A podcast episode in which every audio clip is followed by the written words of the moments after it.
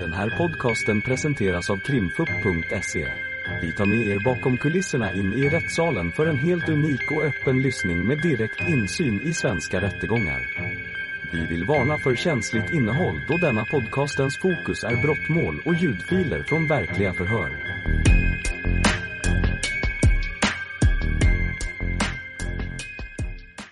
Så, då har vi delat upp den här pläderingen mellan oss, jag och kollegan. Och vi har klockat den till ungefär en och en halv timme. Så vi har tänkt så här att vi kommer hålla på i ungefär en timme och sen så, så kan vi säga till när vi, vi vill ha en paus. Ja. Tänkte först kort gå igenom vilken disposition vi har valt för den här pläderingen. Då har vi delat upp den i sju delar.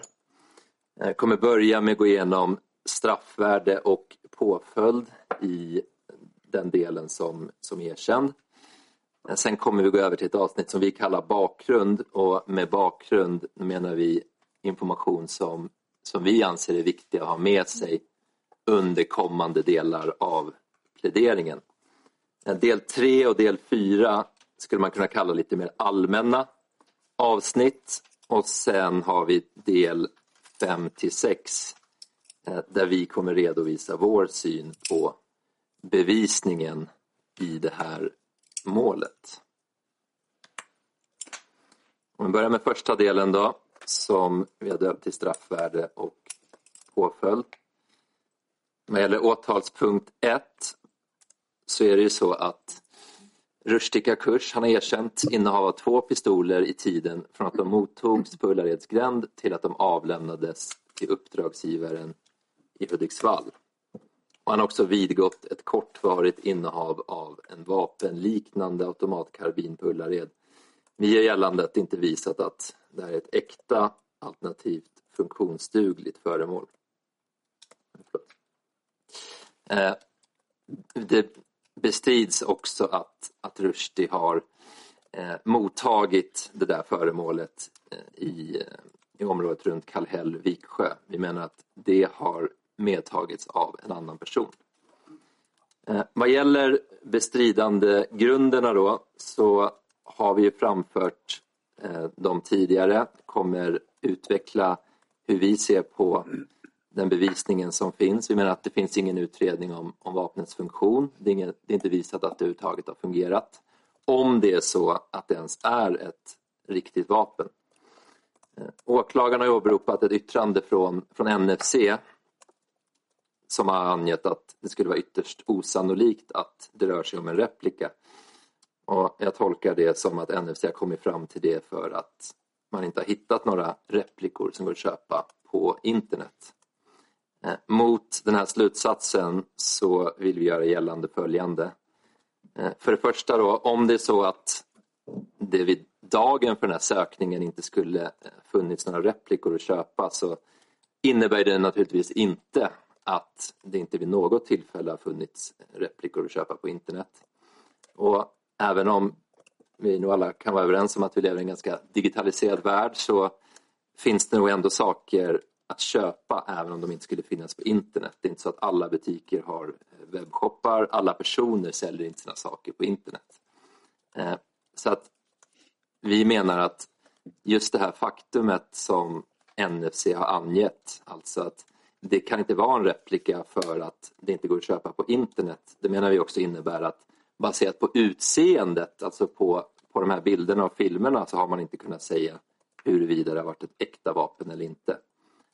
Hade man kunnat uttala sig om det så hade man naturligtvis gjort det och då hade man kunnat säga att det var äkta på grund av ja, men X eller Y. Alltså att det här vapnet då har vissa karaktärsdrag som, som inte återfinns på en replika men det har man inte sagt. Eh, vi har också lyft fram sakframställningsvis bilder på replikor som, som vi eh, har hittat på internet. Eh, vi menar att de i alla fall är mycket välliknande det föremålet som har syns på bilderna. Så vi menar att eh, den här invändningen som har gjorts har inte vederlagts av något straffbart innehav av eh, just det föremålet menar vi inte föreligger. Eh, vad gäller åtalspunkt 2, åtalspunkt 5 och 6 kommer jag inte prata särskilt länge om det. Anledningen är att åtalspunkten 2 den, den förnekas helt och eh, där har kollegorna eh, varit inne på, på, på skälen för det. Jag kommer inte utveckla det närmare utan vi ansluter oss till vad, vad kollegorna har sagt i den här delen med att det inte föreligger någon, eh, någon bevisning för att det skulle vara en straffbar gärning och Kakush ska frikännas eh, från den åtalspunkten. Vad gäller åtalspunkt 5 och 6 så kommer vi naturligtvis prata mycket om det men det kommer inte jag göra utan det kommer kollegan Ahlgren göra när det är dags för, för hans del. Så att sammanfattningsvis och, och slutsatsen i den här delen är att Kakush ska dömas för innehavet av de två pistolerna. Vår uppfattning är att det har ett straffvärde på drygt två år. Eh, han har varit frihetsberövad sedan den 1 mars 2022 och det är drygt ett år och sju månader. Eh, han har varit eh, häktad med restriktioner med att det föranleder eh, vid straffmätning ett avdrag på tre månader ungefär. Och därför är vår slutsats att han har suttit häktad under längre tid än han skulle avtjäna och därför ska han eh, försättas på fri fot och det framställs också ett sådant yrkande under överläggningen. Eh, vad jag dock vill säga någonting om är att åklagaren har ju begärt rättens tillstånd att få meddela restriktioner. Och om det är så att, att tingsrätten skulle komma fram till att, att straffvärdet är högre och, och Kakusha av någon anledning ska, ska kvarbli i häkte så menar jag att åklagaren inte ska få tillstånd att meddela några restriktioner. Och, eh, det är ju så att restriktioner är ju någonting som är väldigt, väldigt ingripande och får ju bara beslutas för att begränsa eh, möjligheter att påverka utredningen. Eh, betydande integritetsintrång, en stor påfrestning för den misstänkte. Eh, I propositionen 2019 20 eh, kolon 129 så har regeringen uttalat att det måste säkerställas att restriktioner beslutas endast när det faktiskt behövs och inte görs mer omfattande än nödvändigt. Och det finns ju också en uttrycklig proportionalitetsprincip i, i lagtexten.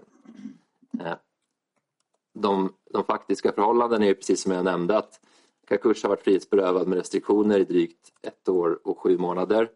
Han var 18 år när han först häktades. Och det här har ju naturligtvis varit mycket påfrestande för honom. Eh, vad gäller själva utredningen så har ju alla tilltalade lämnat någon form av berättelse, även målsägande gjort.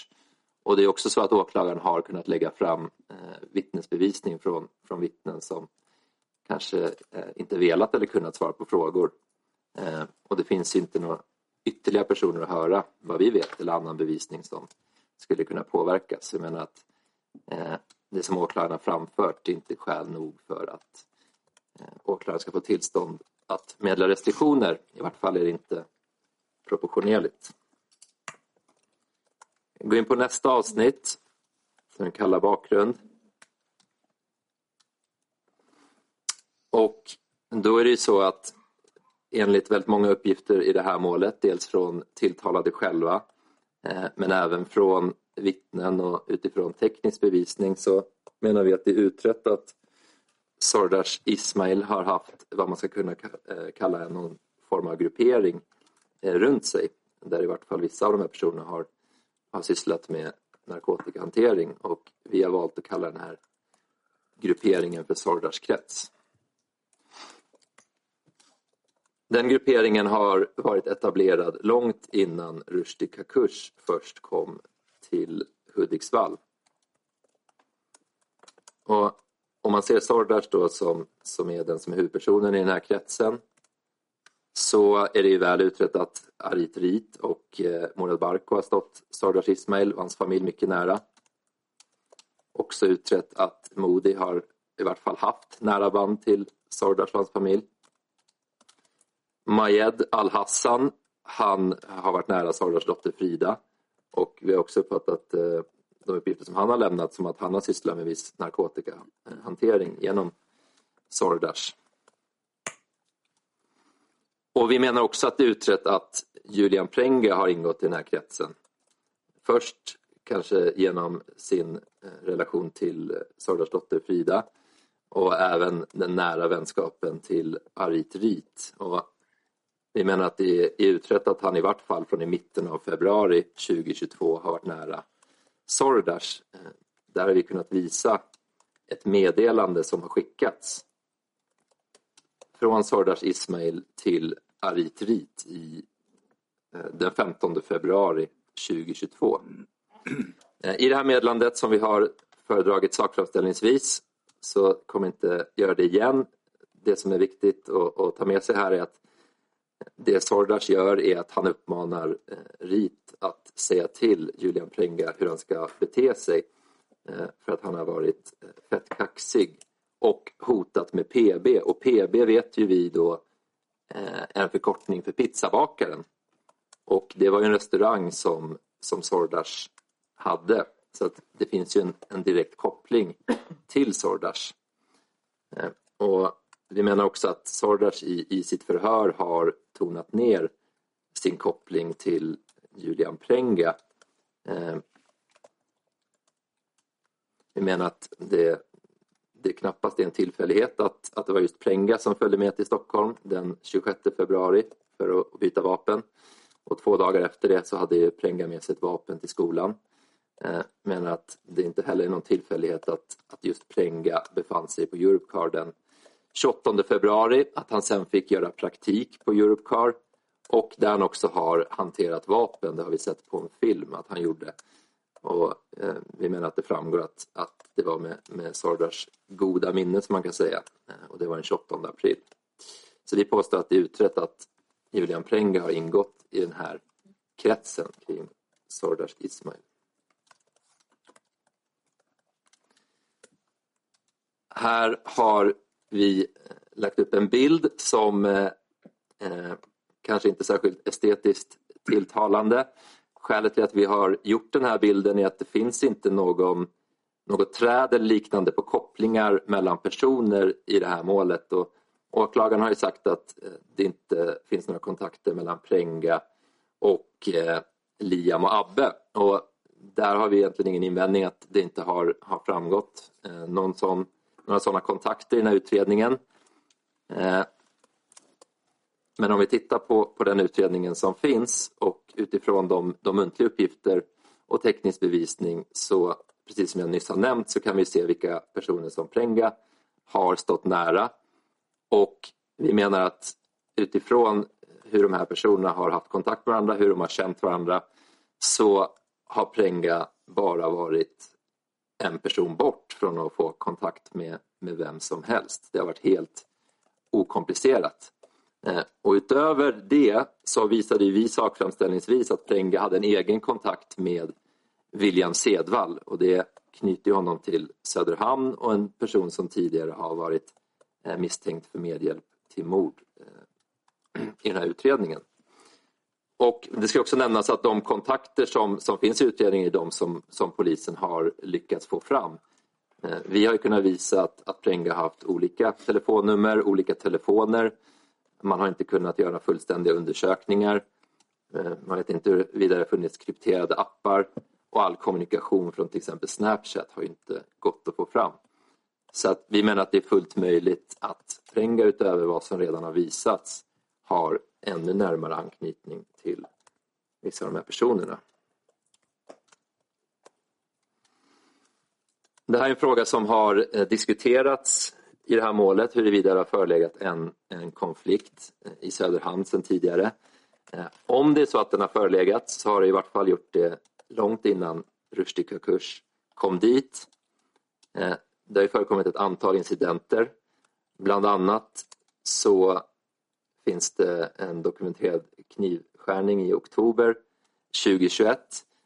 Enligt polisens PM, då, det är polisen som har skrivit om det här och flera andra incidenter, så har jag uppfattat det som att eh, misstänkt för den här gärningen enligt polisen bland annat har varit målsäganden Mahmouds bror.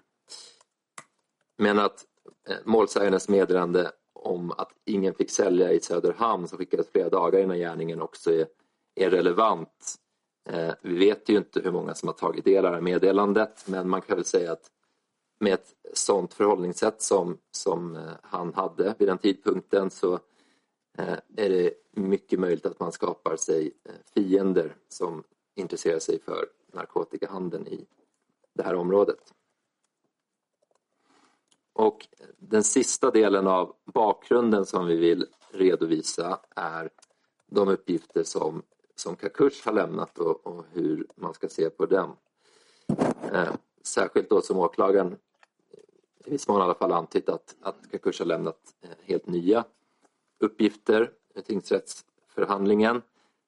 Eh, det är dock så att Kakush i viss mån har medverkat under förundersökningen och lämnat vissa uppgifter.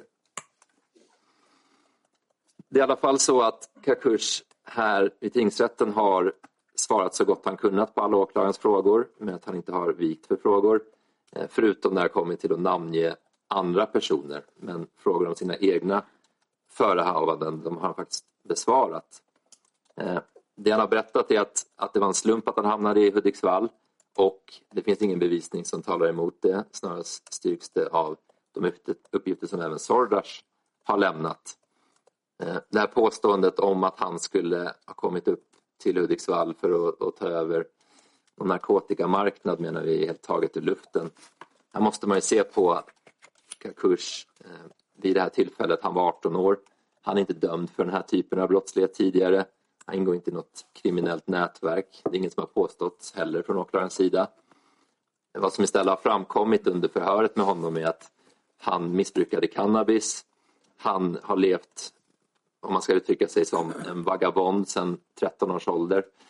Eh, han, har, han har sovit natt för natt hos, hos vänner eller vänners vänner och att han helt plötsligt då skulle ha några ambitioner eller kapacitet att ta över någon narkotikamarknad långt upp i norr där han inte kände eh, någon.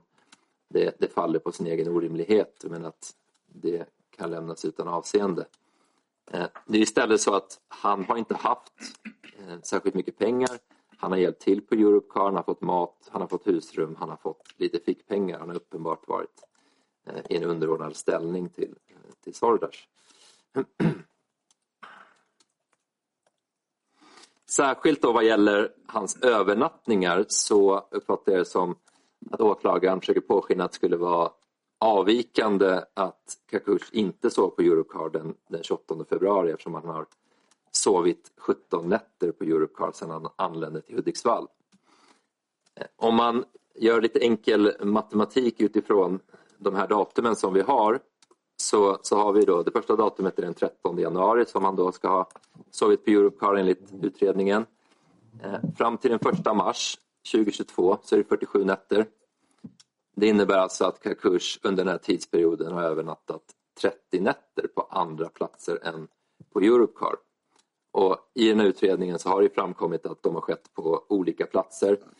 Eh, det har varit hemma hos Sordas på, på Vänortsvägen, det har varit i en gästlägenhet i Hudiksvall, har varit i Stockholm, det har varit på hotell eh, och det har varit på andra platser. Så att under den här tidsperioden har det varit betydligt vanligare att Kakush har övernattat någon annanstans än på Europcar.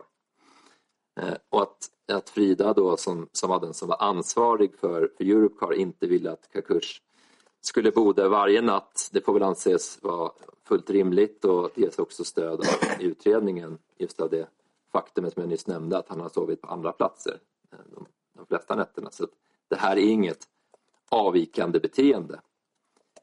Eh, och angående eh, påstådda nya uppgifter då så, så stämmer det till viss del att han har svarat på vissa frågor som han inte har besvarat under, under förundersökningen. Men eh, vi menar att, att åklagaren inte kunde beslå honom med, med några ändrade uppgifter av betydelse trots att det här var ett, ett väldigt långt förhör med, med Kakush. Redan under förundersökningen berättade han om den här så kallade provskjutningen och eh, vi uppfattade det som att det var därför polisen också gjorde en, en husrannsakan på Europcar. Man gick dit och, och kontrollerade efter att Kakush hade berättat det här. Och då hittade man mycket riktigt de här skotthålen. Eh, och det här förklarar ju eh, tändsatspartiklar som man har på jackan. Vad gäller vapenresan så har han vid tingsrätten berättat om den och att han kontrollerade det som han hade erhållit. Eh, det vill säga två pistoler och patroner. Förklarar DNA på patronen. Och han har också eh, vid tingsrätten förklarat att hans telefon var inaktiv från det att han kom till Ina eftersom han legat och sovit och inte vaknat eh, förrän Abbe har kommit tillbaka till lägenheten. Så.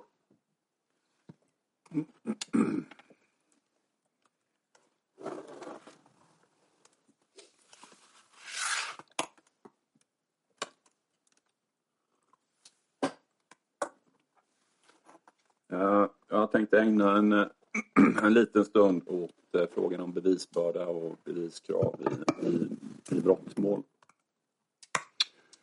Eh, åklagaren har bevisbördan. Skälet för att jag har tagit med den här sentensen är att när jag med stort intresse tog del av åklagare Sammens slutanförande så noterade jag att han uppehöll sig vid den frikännande domen av eh, Joey Raman. Och Sammens anförde därvidlag att åklagaren i det målet inte hade lyckats motbevisa att Joey Raman vid tidpunkten för mordet lagade en enkel måltid bestående av, om jag förstod Sammens rätt, fläskkotlett och sås. Och det går ju givetvis att ha olika uppfattningar om vad som i kulinariska sammanhang är att bedöma som enkelt. Men däremot så går det faktiskt inte att ha olika uppfattningar om vad åklagarens bevisbörda innefattar. För det faller ju sig som så i brottmål att det är åklagaren ensam som har bevisbördan för sitt gärningspåstående. Och i det här ligger att den tilltalade inte har någon som helst bevisbörda och att det för en fällande dom krävs att eh, åtalet är ställt utom rimligt tvivel. Och att den tilltalade inte har någon bevisbörda det innebär, innebär i praktiken att den tilltalades uppgifter typiskt sett aldrig åsätts en positiv bevisverkan. Det vill säga ger stöd för åtalet. Att en tilltalades uppgifter i ett mål helt eller delvis i sig är så osannolika att de kan lämnas utan avseende. Eller att de är vederlagda helt eller delvis. Det är inte ett bevis för åklagarens gärningspåstående mot den tilltalade.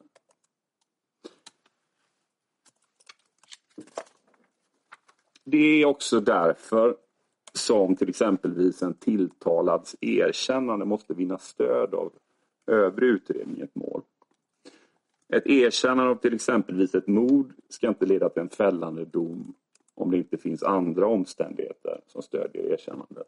Till exempelvis omständigheter som visar att personen i fråga haft möjlighet att begå mordet. Och varför tar jag nu upp detta då? Jo, jag tar upp detta därför att det är väldigt lätt att hamna i följande tankefigur. Åklagaren har sitt gärningspåstående. Den tilltalade säger nej det stämmer inte. Jag gjorde A vid tidpunkten för mordet. Sen ägnar åklagaren sin processföring till att motbevisa att det som den tilltalade säger, det stämmer inte. Och så vill åklagaren att ni ska ställa upp det här mot varandra. Det vill säga att om åklagaren kan visa att det A inte stämmer, då måste han ha begått mordet. Det är en felaktig tankefigur. Det som den tilltalade säger om sina förehavanden vid tidpunkten för gärningen, det är en alternativ hypotes. Men där får tingsrätten aldrig stanna.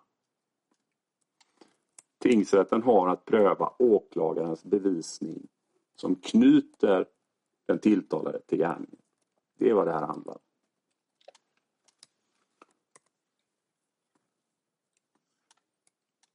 Bevisningen för ett gärningspåstående bygger således inte på den tilltalades uppgifter.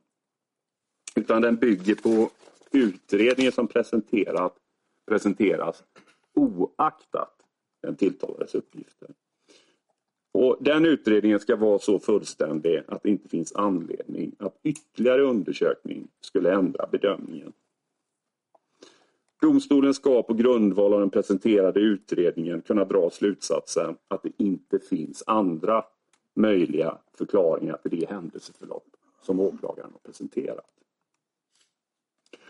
Om det i något avstå, avseende kvarstår osäkerhet sedan utredningen har lagts fram, till exempelvis när det gäller andra tänkbara gärningsmän, så kan det leda till att beviskravet inte är uppfyllt. Det här skriver Högsta domstolen om i eh, det här uppmärksammade fallet mordet vid busshållplatsen. Som jag var inne på så är domstolen inte bunden av, att den, till, av den tilltalades framförda alternativa händelseförlopp. Utan det är sedan länge i praxis fastslaget att domstolen ex officio har att beakta alla rimliga praktiska alternativa händelseförlopp. Och det framgår utav bland annat de här rättsfallen. Men de kan ni läsa er till själva så jag behöver inte gå igenom dem. Utgångspunkten är alltså att alla någorlunda rimliga alternativa förklaringar måste uteslutas för att domen ska bli fällande. Den här alternativa förklaringen måste framstå som praktiskt möjlig och en alternativ förklaring kan i det enskilda fallet vara beroende av hur stark den övriga utredningen till stöd för åtalet är. Och Det jag säger nu framgår också av det här rättsfallet, mordet vid busshållplatsen. Och i korthet, den alternativa förklaringen måste ha visst stöd i utredningen och den ska inte vara utesluten. Och här kan jag faktiskt inte nog betona att försvaret, vi förfogar inte över egna utredningsresurser. Och under förundersökning har vi dessutom ingen insyn i utredningen och därmed i praktiken inga som helst möjligheter att vidta några meningsfulla åtgärder. Det är således inte försvarets uppgift att bevisa att en annan gärningsman utfört gärningen. Utan försvarets uppgift är att peka på omständigheter i utredningen som ger stöd för att det är praktiskt möjligt, det vill säga inte uteslutet, att det kan ha varit en annan gärningsman än den som åklagaren påstår. Och vi menar att i det här målet så finns det utrymme för en alternativ gärningsman. Och vi menar också att den uppfattningen vinner starkt stöd av omständigheter i den här utredningen.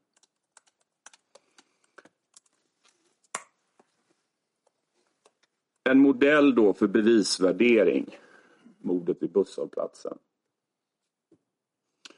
I det här målet så har Högsta domstolen skissat på en, ett, ja, helt enkelt en modell för hur man ska värdera bevisning i ett brottmål. Och det är en modell bland andra, men det är en modell som är väl lämpad, menar vi, för det här målet. Och HD inleder med att redogöra för distinktionen mellan direkt bevisning och indirekt bevisning.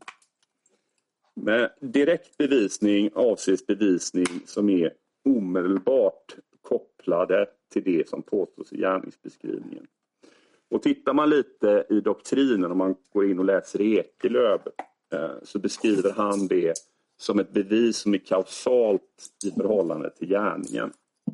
Och jag vet att det här kan låta lite teoretiskt, men det är ganska viktigt. Ett direkt bevis är alltså ett rättsfakta som orsakar bevisfakta. Jag kan exemplifiera det eh, ett vittne som anger att han eller hon har sett att det är just den tilltalade som har skjutit. Det är till exempelvis eh, det är ett exempel på så kallad direktbevisning. Det vill säga att gärningen, själva skjutningen, ger upphov till vittnet iakttagelse. I det läget så handlar ju inte bevisvärderingen normalt sett huruvida vittnet de facto har sett en skjutning. Utan vad bevisvärderingen då handlar om är ju vilken mån, med vilken säkerhet som vittnet till exempelvis har pekat ut gärningsmannen. Det är direkt bevisning och det kan man säga också generellt sett.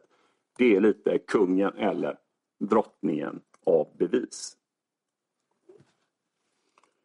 Vid indirekt bevisning, som jag menar det är fråga om i det här målet, så saknas då motsvarande omedelbara samband mellan beviset och det som påstås i gärningsbeskrivningen. Man kan uttrycka det så här. Bevisfaktat kan, före, det kan föregå rättsfaktat och när det gör det då kan det finnas olika förklaringar till det här beviset. Eller så kan man uttrycka det så här. Det betyder att det som framgår av beviset kan vara riktigt utan att det har gått till på det sätt som åklagaren påstår. Detta gäller till exempelvis i fråga om DNA-spår från en tilltalad på patronhylsor som har hittats på den plats där målsägaren har blivit skjuten. Ja, den kan ha, DNA kan ha avsatts i samband med skjutningen. Men det kan också ha avsatts vid ett annat tillfälle. Och jämför ni det med vittnet så förstår ni ju skillnaden. Vittnet misstar ju sig sällan på att man har sett skjutningen. Där ligger den stora skillnaden. Vid indirekt bevisning kan det finnas flera olika förklaringar till vad det innebär. Och som jag sa, direkt bevisning utgör till sin natur typiskt sett starkare bevisning än indirekt bevisning. Och när bevisning uteslutande består av indirekt bevisning så kallas det ju, vad ska man säga då, i folkmun ett indiciemål. Och i det här rättsfallet som, som jag är inne på här, eh, mordet i busshållplatsen, så konstaterar i och för sig Högsta domstolen att mål med uteslutande indirekt bevisning inte utgör hinder för att beviskravet ställt utom rimligt tvivel kan vara uppfyllt. Däremot, och det här är också viktigt, så menar försvaret att i rena indiciemål så ställs det högre krav på utredningens robusthet i så måtto att den måste utesluta alternativa gärningsmän. Och om vi då tittar på bevisningen i vårt mål så menar vi att den direkta bevisningen som finns i det här målet det är ju givetvis målsägande Barans uppgifter. Han var med på brottsplatsen, han var med eh, vid skjutningen och han blev själv dessutom skadad. Medtilltalares uppgifter eh, om vad som hände på brottsplatsen, det vill säga Liam och Abbes uppgifter, de var också på platsen. Sen är det, vet ju försvaret och det vet domstolen, att uppgifter från medtilltalare har ett begränsat bevisvärde. Men det är den direkta bevisningen som finns i det här målet.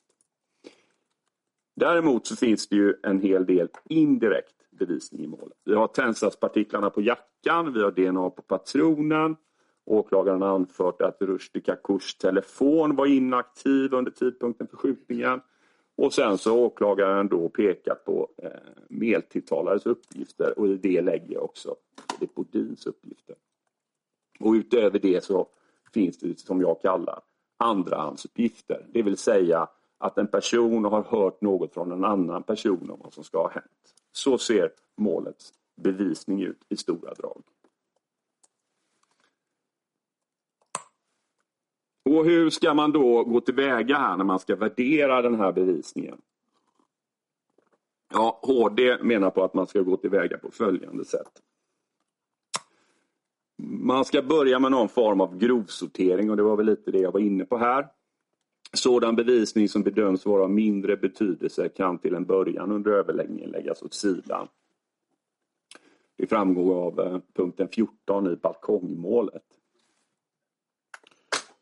Eh, sen menar försvaret att det kanske är lämpligt att ställa sig att sortera bevisningen ut efter teman.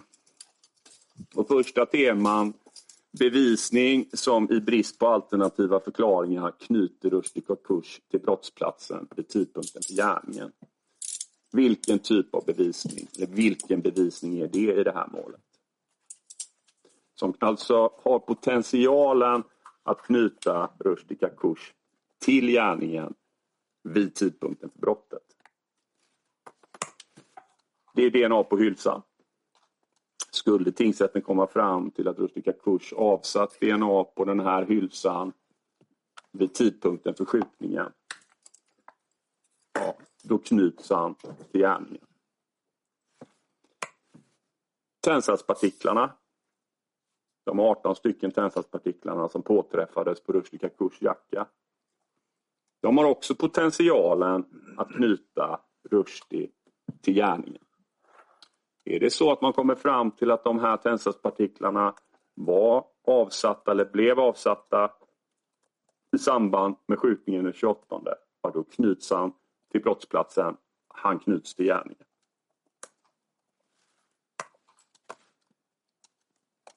Men om vi stannar där så kan ni konstatera att det här är den enda av åklagaren åberopade bevisningen som har potentialen att knyta honom direkt till brottsplatsen och gärningen. Någon annan bevisning menar försvaret att åklagaren inte har åberopat till just det här temat.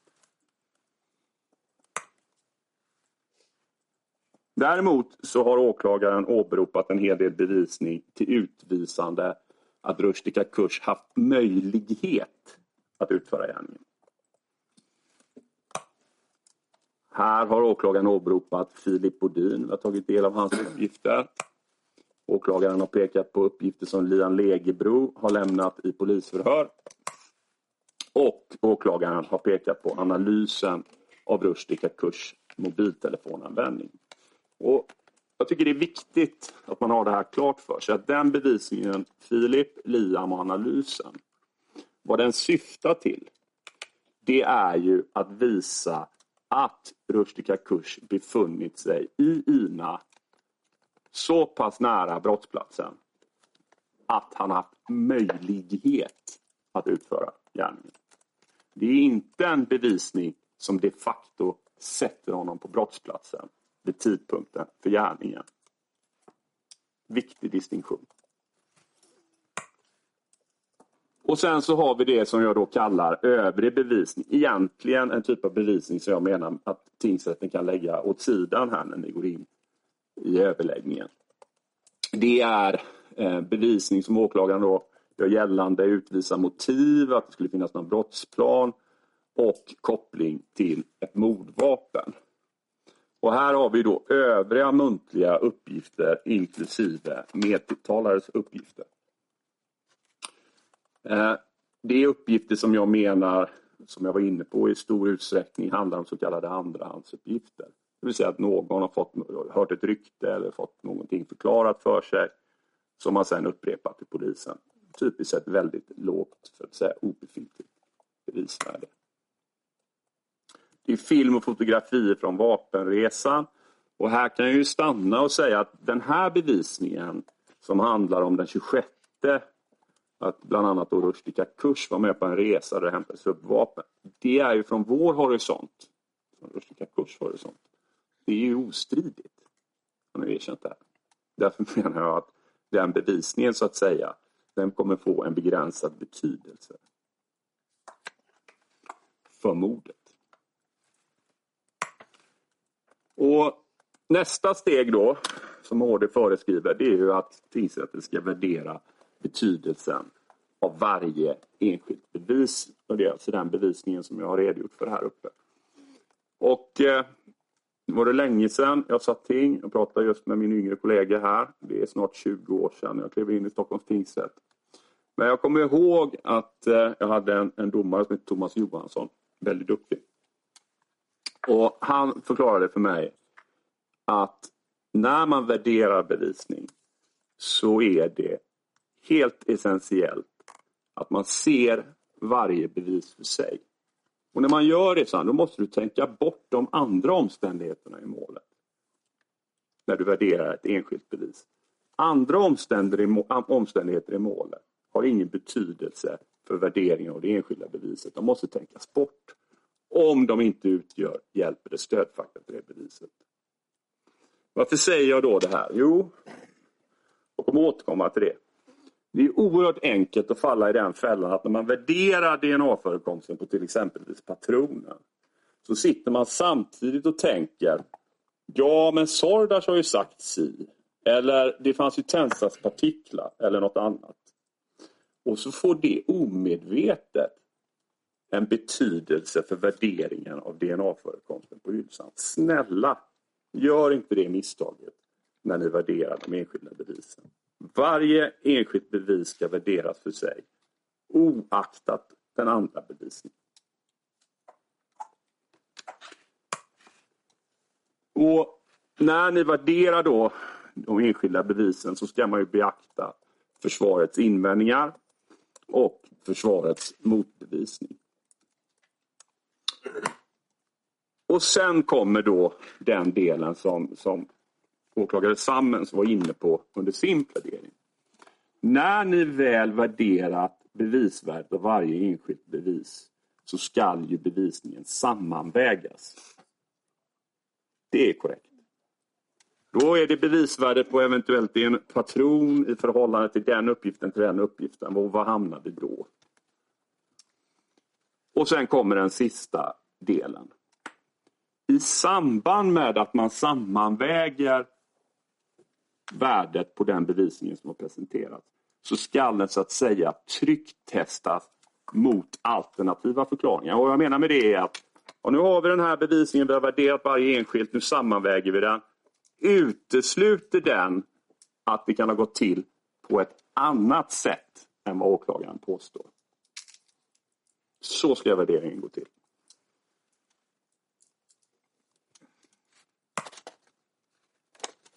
Och här skriver även HD om eh, fristående samverkande bevisning. Det var Sammels inne på. Eh, man skriver även om kedjebevis, att det är typiskt sett har ett lägre bevisvärde. Jag kommer återkomma till detta. Och om vi då går över till värderingen av de enskilda bevisen i, i just det här målet.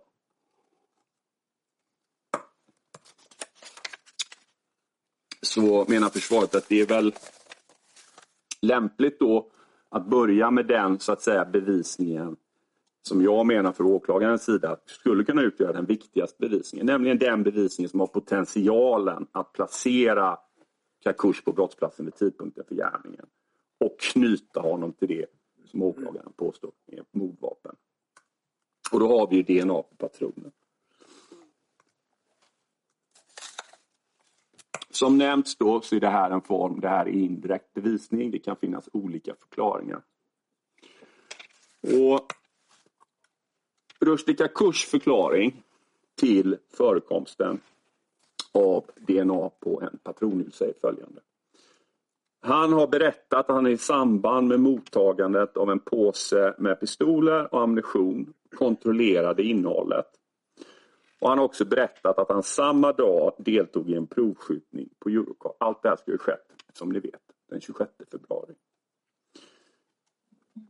Kakushs berättelse i den här delen, det får ni nog hålla med om, vinner ju stöd i utredningen. Det stämmer det han säger helt enkelt.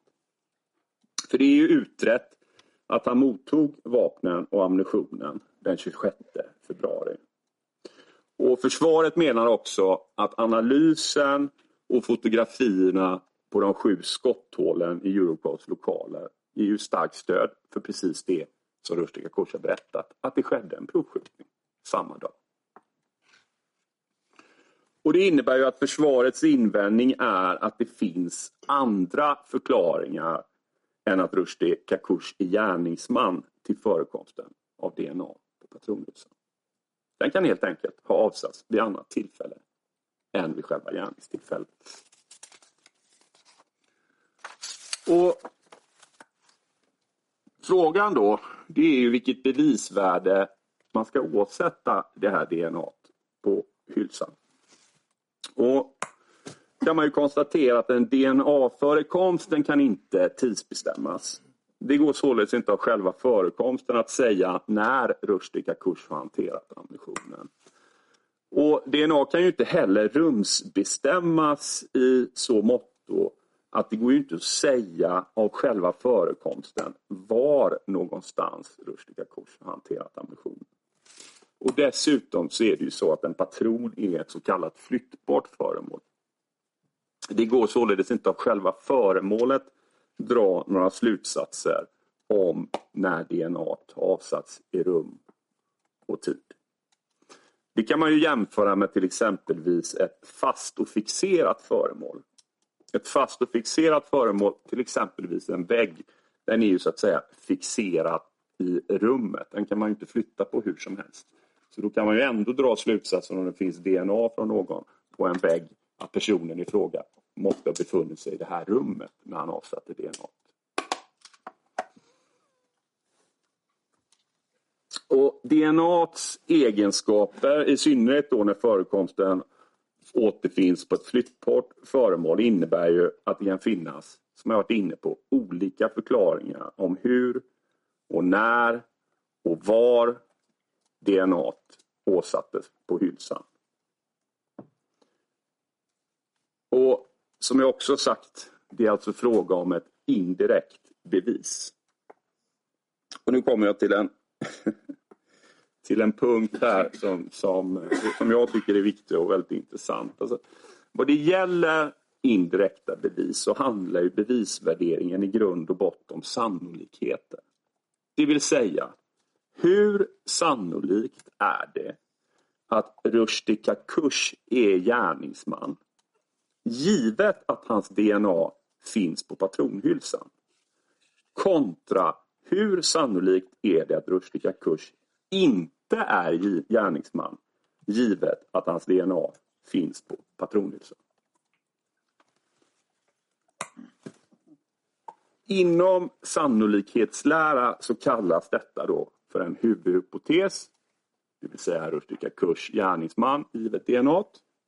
Och en alternativhypotes, RK inte gärningsman givet DNA på hylsan.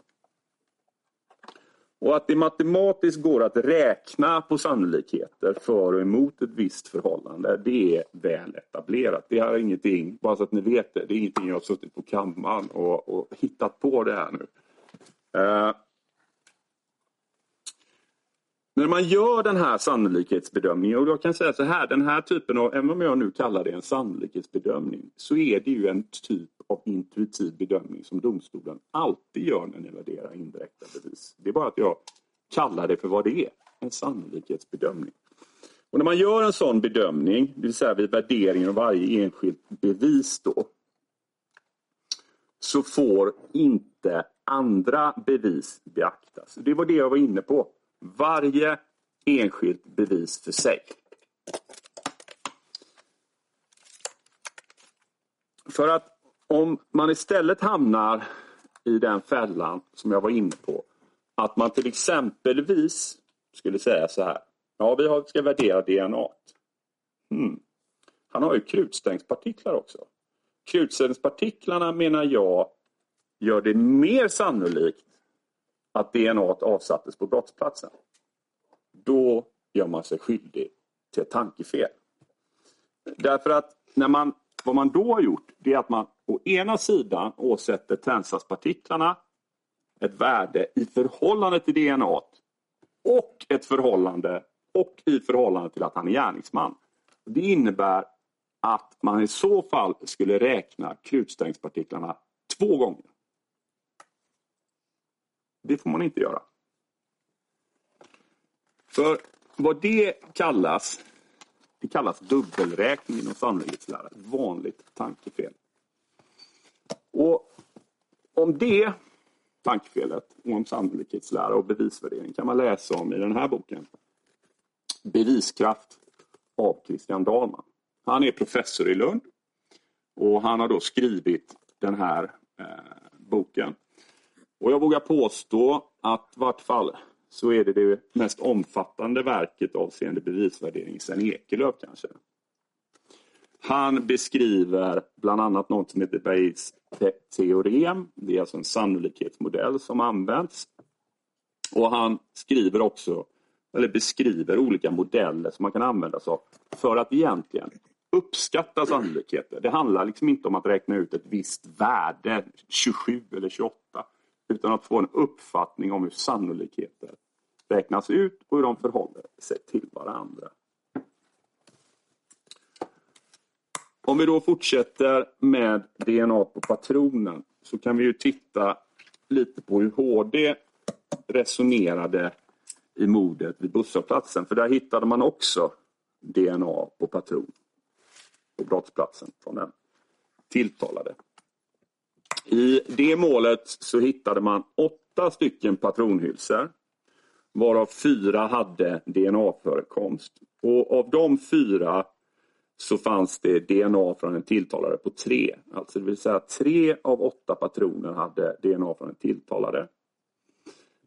Och en patron hade märkligt nog DNA från flickvännen till offret, den person som dog.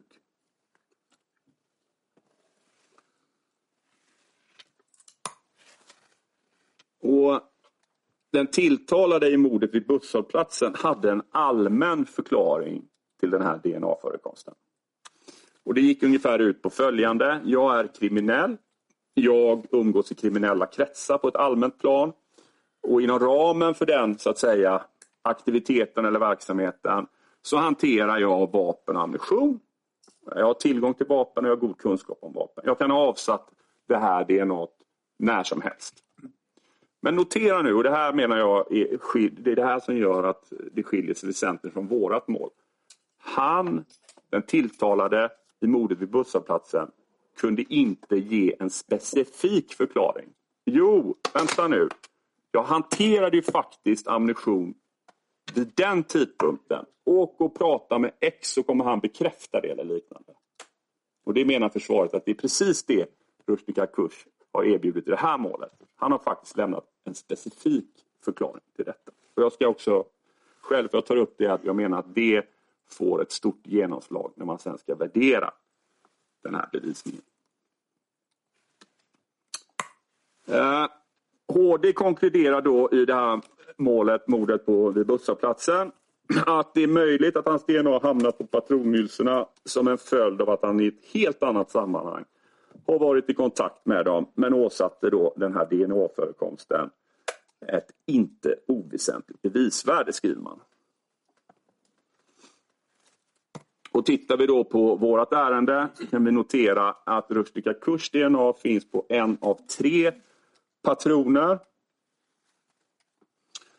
Eh, och vi kan också konstatera att vi har eh, DNA från två, ytterligare två individer på de kvarvarande två patronerna i vårt mål. Det är alltså DNA från tre olika individer på tre olika patroner.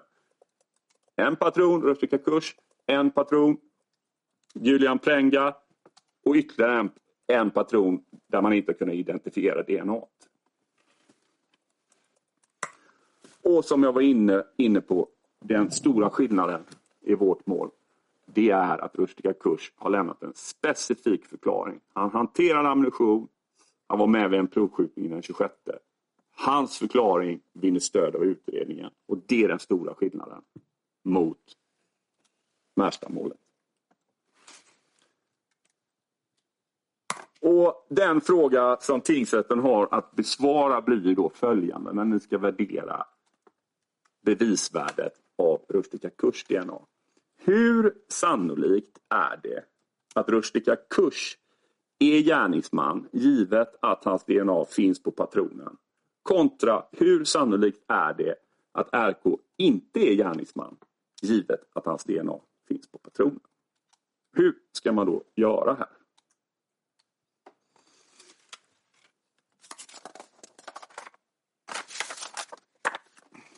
Ja.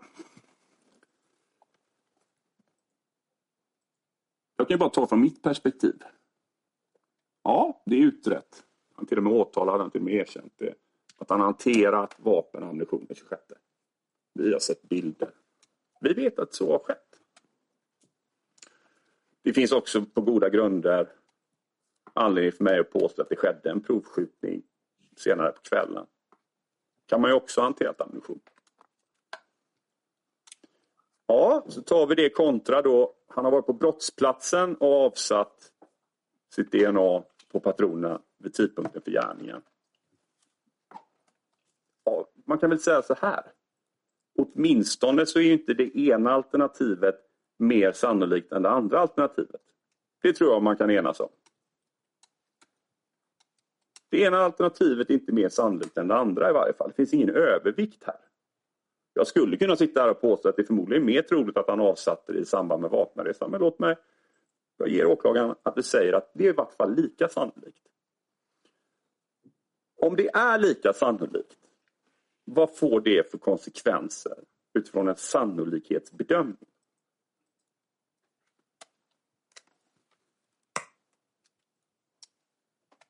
Då återvänder jag till Dalmans bok och det här är inte särskilt komplicerat faktiskt. Vi har DNA på patronen. Vi har åklagarens gärningspåstående i huvudhypotesen, eller hur? RK i skytt givet DNA-förekomst på patron. Det kallas SAM-positiv i sannolikhetslära. Vi har alternativhypotesen. RK är inte skytt givet den här DNA-förekomsten. Den kallas falsk positiv. Och det var ju min alternativhypotes. Eller hur? Han kan ha avsatt DNA den 26. Okej. Okay. Och jag sa, jag sa så här, ja de, i vart fall så är de väl lika sannolika.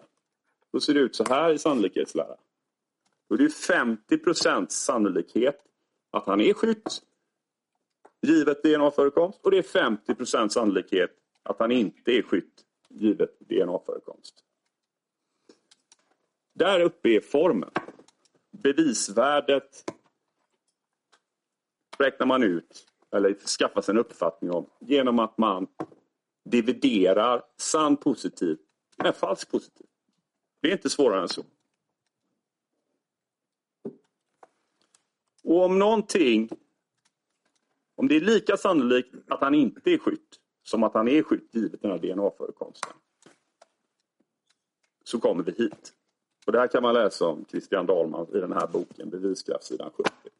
Om sannolikheten för ett sant positivt utfall, det vill säga att han är skytt, är lika stor som sannolikheten för ett falskt positivt utfall, det vill säga att han inte är skytt, så är beviskraften lika med 1. I den här situationen är beviset helt värdelöst.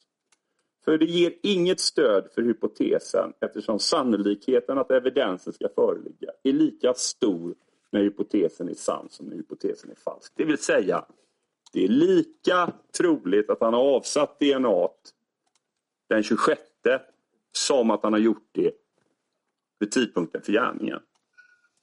Då har det överhuvudtaget inget bevisvärde.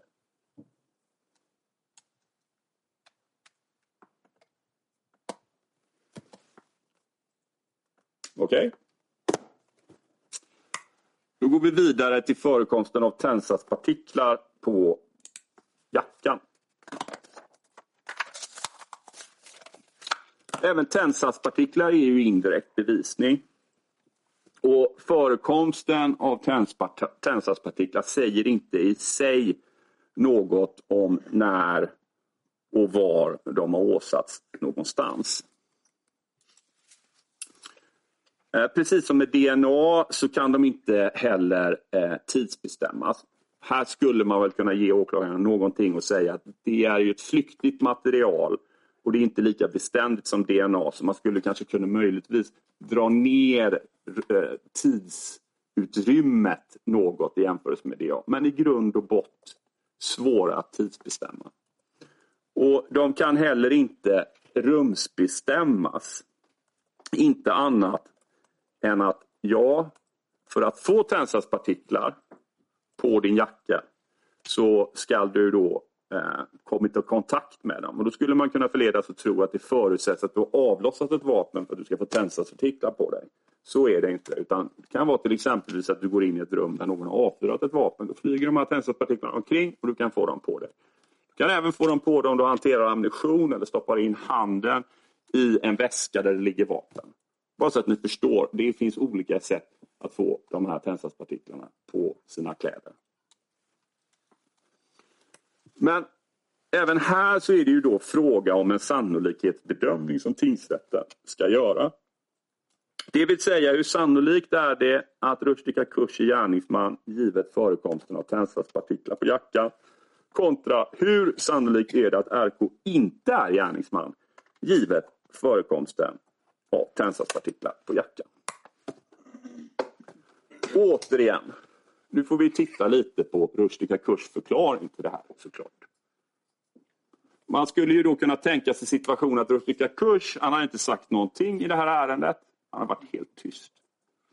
Ja, då hade ni hamnat egentligen Märsta-målets resonemang. Det vill säga, ja, Sammels här, han har ju pekat på då, ja, de kan ju, de borde, han säger att de avsatts i samband med att han har skjutit. Hade Rushdie varit helt tyst, då hade ni stått för, ja, vad är alternativet då? Då har ju tingsrätten att räkna med alternativa förklaringar som även inte försvaret framför. Och då kanske ni hade hamnat lite i Märsta-domens resonemang, eller hur HD resonerar. Ja, det finns ju utredning här för att Rushdie rör sig i kriminella kretsar. Vi har ju sett att det finns vapen. Ja, det finns utrymme för att han kanske då möjligtvis har fått de där tändsatspartiklarna på jackan på annat sätt. Men återigen nu, och det här menar jag är helt avgörande.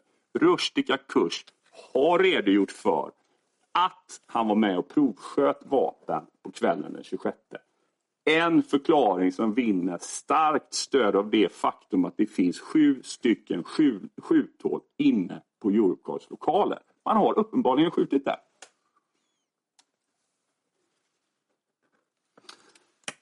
Åklagare Sammels har i den här delen då sagt eh, följande ungefär. Ja, på grund av tändsatspartiklarnas flyktighet så är det uteslutet att de kan ha åsatts vid provskjutning den 26 februari. Det är vad Sammens säger. Det måste ha varit vid skjutningen den 28. Okej? Okay?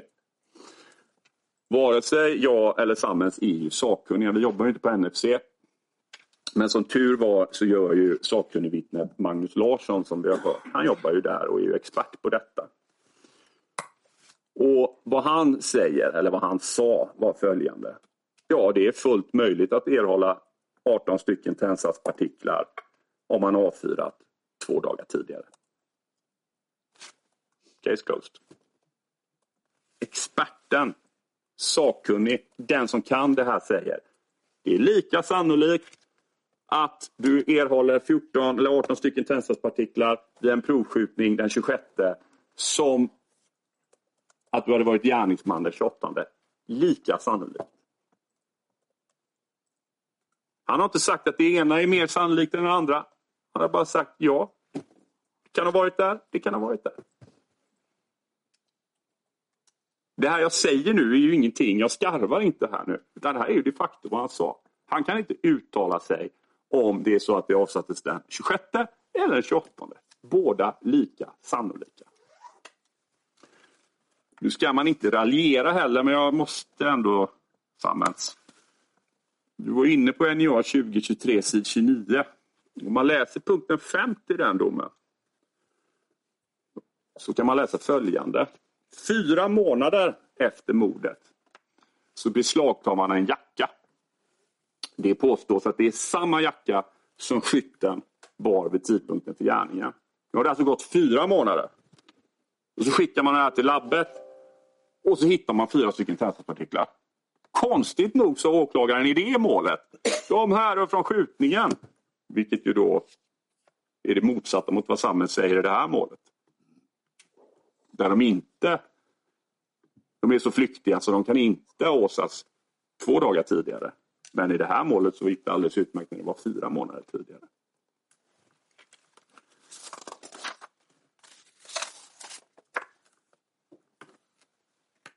Och för det fall att sannolikheten för att tändsatspartiklarna avsatts i samband med provskjutningen den 26 februari är lika hög som att de avsatts i samband med gärningen så är ju bevisvärdet precis på samma sätt som avseende DNA-förekomsten på patronen värdelöst eller obefintligt. Då blir det ju så här. Precis samma operation. Tändsatspartiklar. RK-skytt givet tändsatspartiklar, SAM positiv. Ja, det är 50 chans. RK inte skytt givet tändsatspartiklarna 50 procents chans. Sannolikhetslära, bara gå in i Dalmans bok och lära, läsa, blir rätt. Bevisvärdet är värdelöst. Och ni kommer ihåg vad jag sa här nu innan, som varit inne på flera gånger. Varje bevis för sig. Nu förstår ni vad jag menar. Det är väldigt lätt att man börjar tänka så här. Ja, men tändstickspartiklarna i förhållande... Nej, så fungerar inte en bevisvärdering. Varje enskilt bevis för sig. Och komma fram, som jag säger här, att du får rätt. Även om man skulle sammanväga de här två bevisen. Vad är ett gånger ett? Det är fortfarande ett.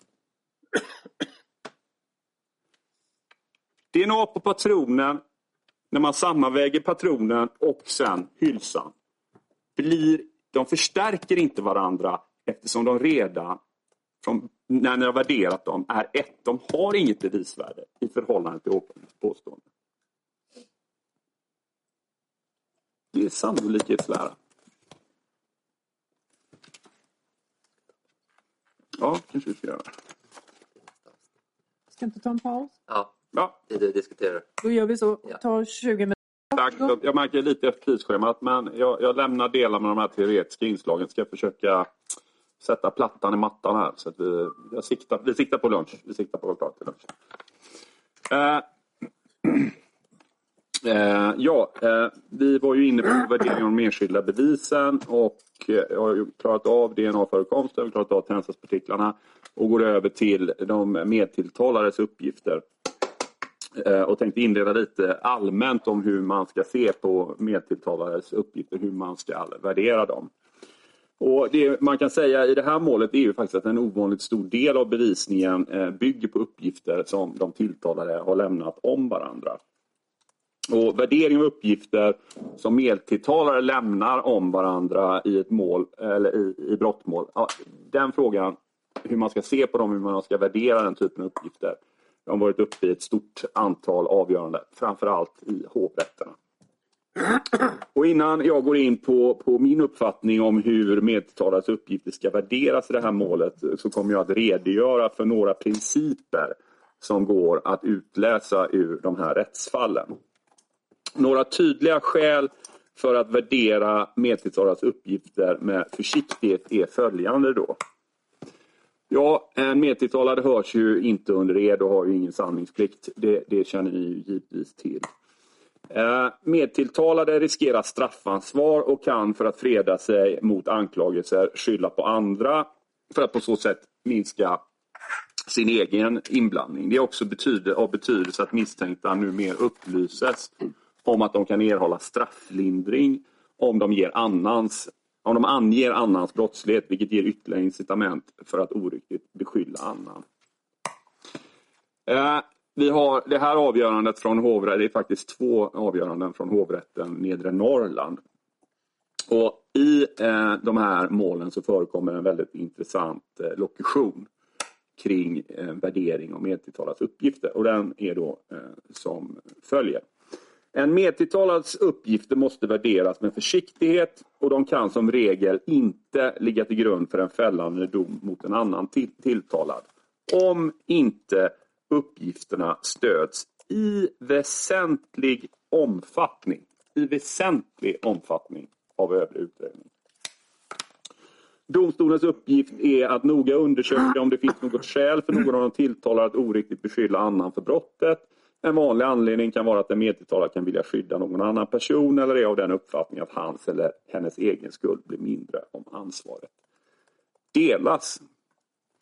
Eh, liknande formuleringar återfinns i eh, det här avgörandet från hovrätten för Skåne och Blekinge.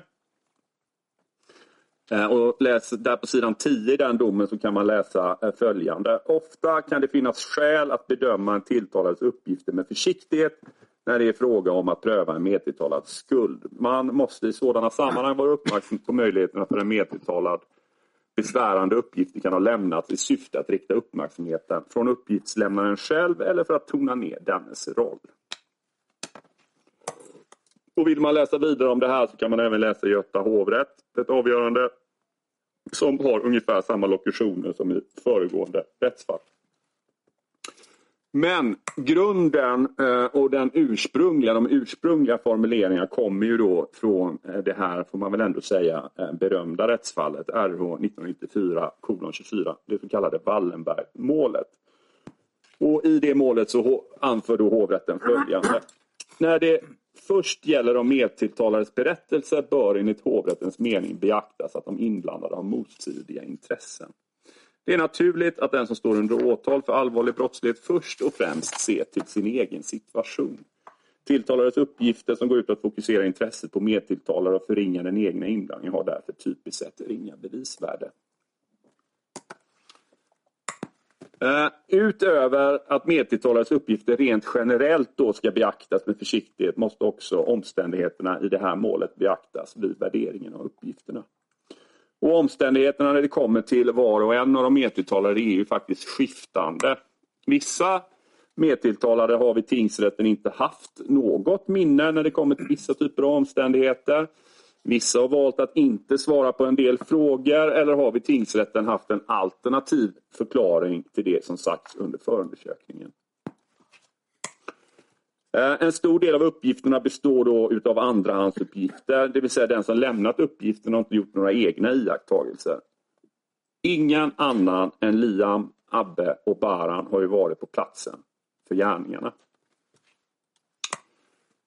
Sordas Ismail har ju varit på fri fot under lång tid och han har därmed haft möjlighet att påverka vad olika personer ska lämna för uppgifter. Om han faktiskt har gjort det, det kan vi ju kanske inte med säkerhet säga. Men det är ju utrett att sådana försök faktiskt har gjorts. Och tingsrätten måste ju i sin värdering av andra förhörspersoners uppgifter beakta möjligheten att de kan ha påverkats av bland annat Sordash Ismail. Vårt påstående är att det faktiskt i det här målet framstår som sannolikt att det har skett påverkan påverkan av förhörspersoner inför att de ska höras. Dels under förundersökningen men även inför huvudförhandlingen. Det föreligger alltså en stor mängd faktorer utöver ursprungsfaktorn att det rör sig om medtilltalades uppgifter som bidrar till osäkerhet vid värderingen av uppgifternas riktighet. Och vår slutsats är därför att uppgifterna från medtilltalade kommer att sakna i det närmaste helt bevisvärde. Om de inte i, som hovrätten i det tidigare avgörandet skriver, i väsentlig omfattning stöds av annan utredning. Gör de inte det, då ska de inte tillmätas någon som helst betydelse.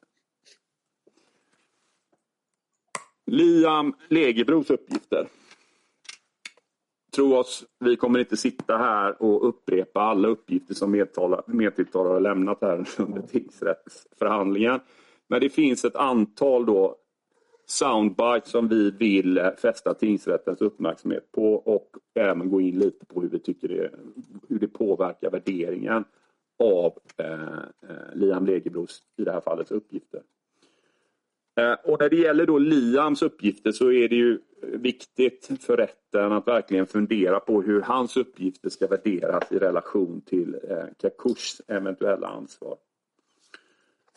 Och skälet till att eh, dessa uppgifter kräver särskilt noggranna överväganden är att åklagaren har spelat upp ett ljudklipp som ni kommer ihåg från ett förhör med Liam som hölls i maj 2022. Man kan ju då förledas att tro att efter att man tagit del av det ljudklippet att det här skulle så att säga eh, illustrera eller vara typiskt för vad Liam har sagt i samtliga förhör under förundersökningen. Men så är inte fallet. För att det ljudklippet vi tog del av det är från förhör nummer fyra i ordningen av totalt sju förhör som har hållits med Liam Legebro under förundersökningen. Och det åttonde förhöret med honom det är ju det förhöret som hölls i tingsrätten. Och för enkelhetens skull kan vi säga att åklagaren har valt ut en uppgift från ett förhör i mitten av de förhör som har hållits av Liam. Och vad som är viktigt att komma ihåg är att detta inte är en uppgift som Liam lämnat i tidigare förhör och inte heller velat kännas vid i senare förhör. Och viktigt att poängtera här är att Liam redan under förundersökningen påtalat för utredaren att detta blivit fel och att det inte varit så han menat. Och något, annat, något som han även då framfört här under huvudförhandlingen. Frågan rätten har att ställa sig blir då, är det vad Liam har sagt i sina första förhör, vad han har sagt efter halva förundersökningen eller vad han har sagt vid tingsrätten som rätten har att lägga till grund för bedömningen? Och hur ska man värdera den uppgiften?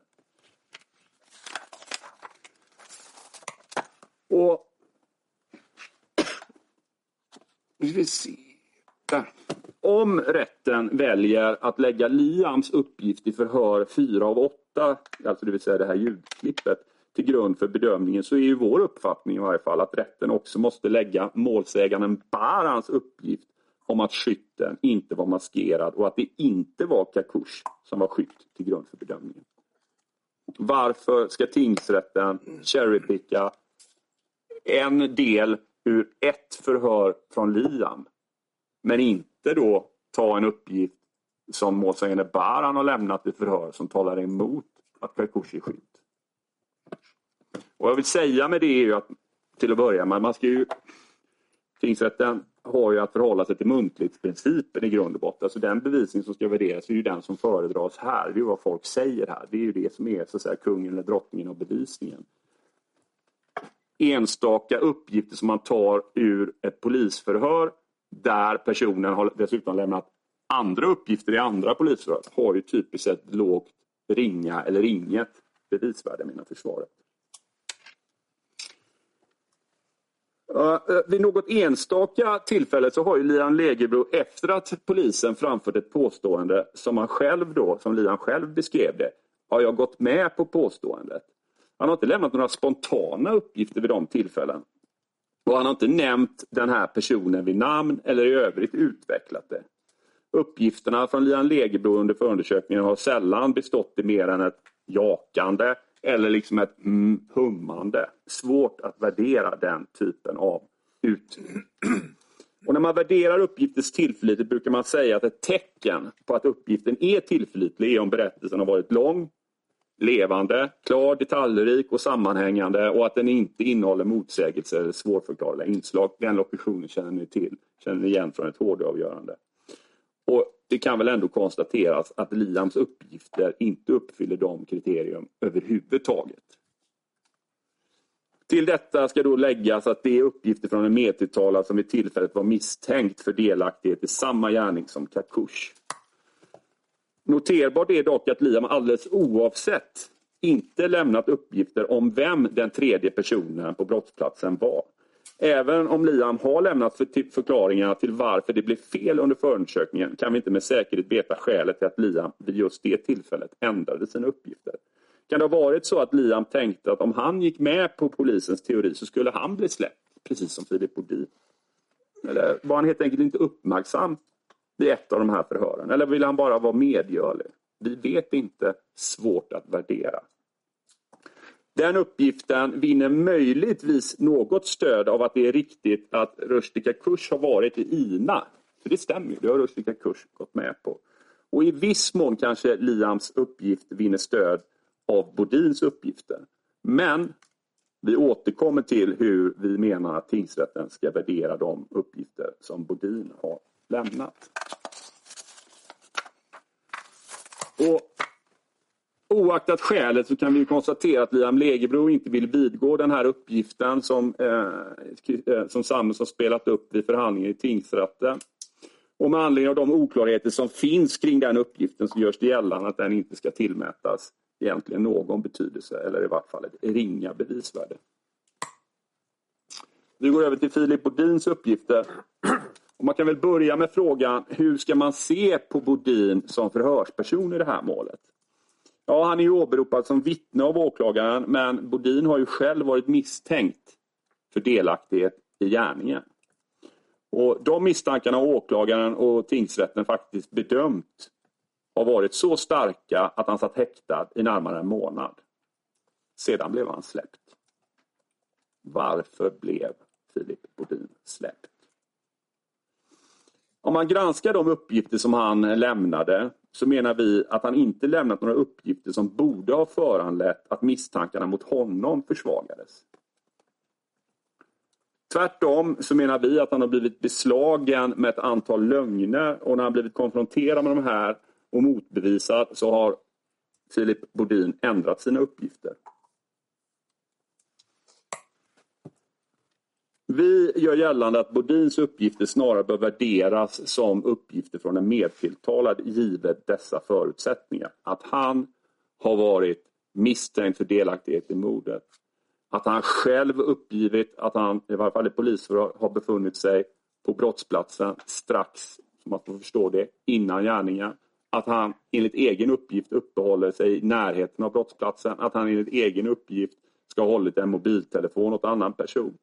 Ligger man så nära och man dessutom har varit misstänkt för delaktigheten så kan man inte värdera hans uppgifter som från ett oberoende ögonvittne som inte så att säga har någon relation till någon av de inblandade.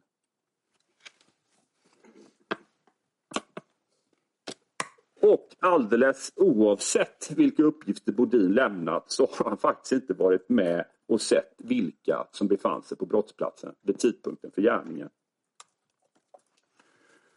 Eh, några andra uppgifter då som vi finner något anmärkningsvärda eh, och eh, ställer upp ett antal frågetecken kring Bodin och hans tillförlitlighet och trovärdighet.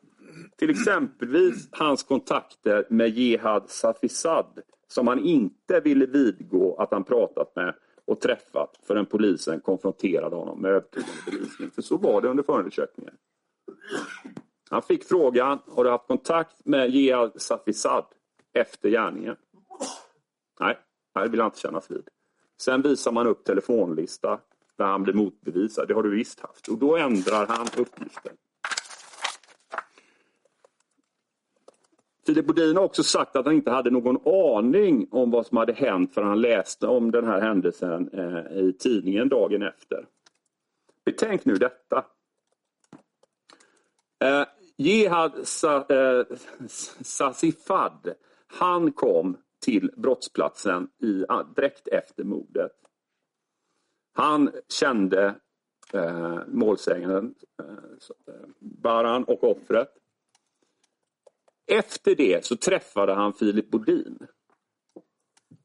Är det inte väldigt märkligt att Filip Bodin, han har ingen minnesbild av att han ska ha träffat Jihad Sassifad ganska kort efter det här mordet.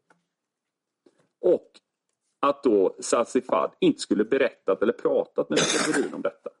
Det är märkligt. Det ställer upp den här typen av frågetecken kring Bodin. Och om vi tar det här påstådda hotet och slaget som han skulle blivit utsatt för i Sedvalls lägenhet av Kakush. Så framkom det i förhör nummer fyra med honom. Det är först då han lämnar den uppgiften.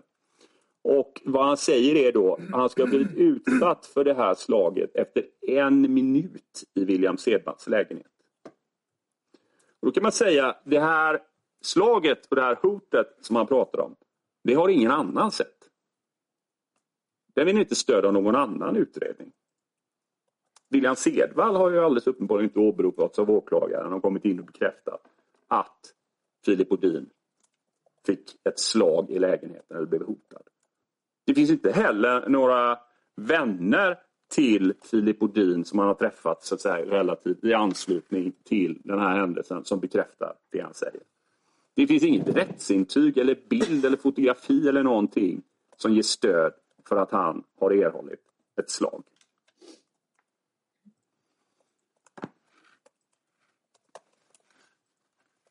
Man kan väl också ställa sig frågan då, om det nu skulle vara som Bodin säger, han kommer in i lägenheten, han får nästan omgående ett slag och ett dödshot. Men då säger han att han är kvar där i 20 minuter. Och vad det gäller hans uppgifter här, så han kan ju inte lämna den är helt fri från detaljer, hans berättelse, i den här delen. Helt fri. Vad, vad pratar han om de här 20? Vad är det som händer? Jag får ett slag, jag får ett hot och sen, sen har han ingen annan minnesbild. Och Det förefaller också så att säga, ologiskt och osannolikt att om det nu är som han säger, han kommer in, han får ett slag, varför lämnar han i så fall inte lägenheten? Han har ju inte sagt någonting om att han tvingades vara kvar. Han har heller inte kunnat redogöra för centrala delar av händelseförloppet. Till exempelvis har han inte haft någon aning om var någonstans i Hudiksvall sällskapet hämtade Kakosh. Han har i tingsrätten stått fast vid att bilen som han färdades i sedan lämnades hos Liam trots att det i det här målet är utrett att den faktiskt lämnades hos Abbes pappa och att de promenerade de tio minuterna från Abbes pappa till Liam. Han har överhuvudtaget inte kunnat beskriva Kakush. Han har inte kunnat lämna några detaljrika uppgifter om Kakush. Vad har han sagt? Vad stod han? Vad gjorde han? Det enda han säger är han gav mig ett slag, han gav mig ett hot. That's it. I övrigt så har han ingenting i princip att säga om Kakush. Det är vad man kallar detaljfattigt.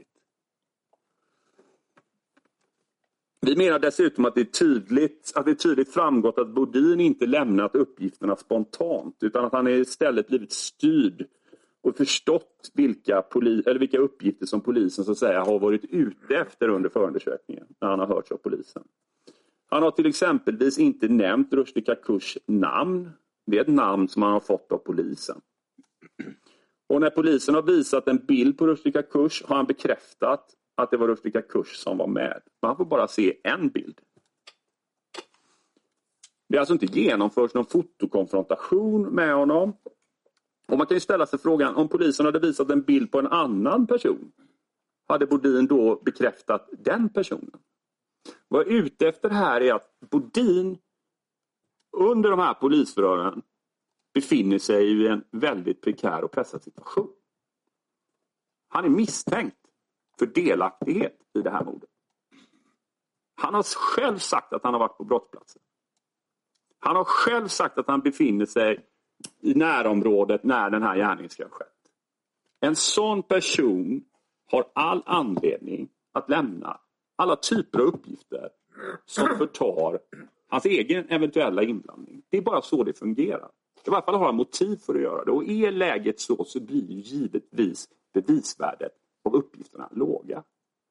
Och jag påstår också här att åklagaren inte heller presenterat någon utredning som i väsentlig omfattning stödjer det som Bodin säger. Ta till exempel som jag sa det här med slaget. Det finns ingen stödbevisning.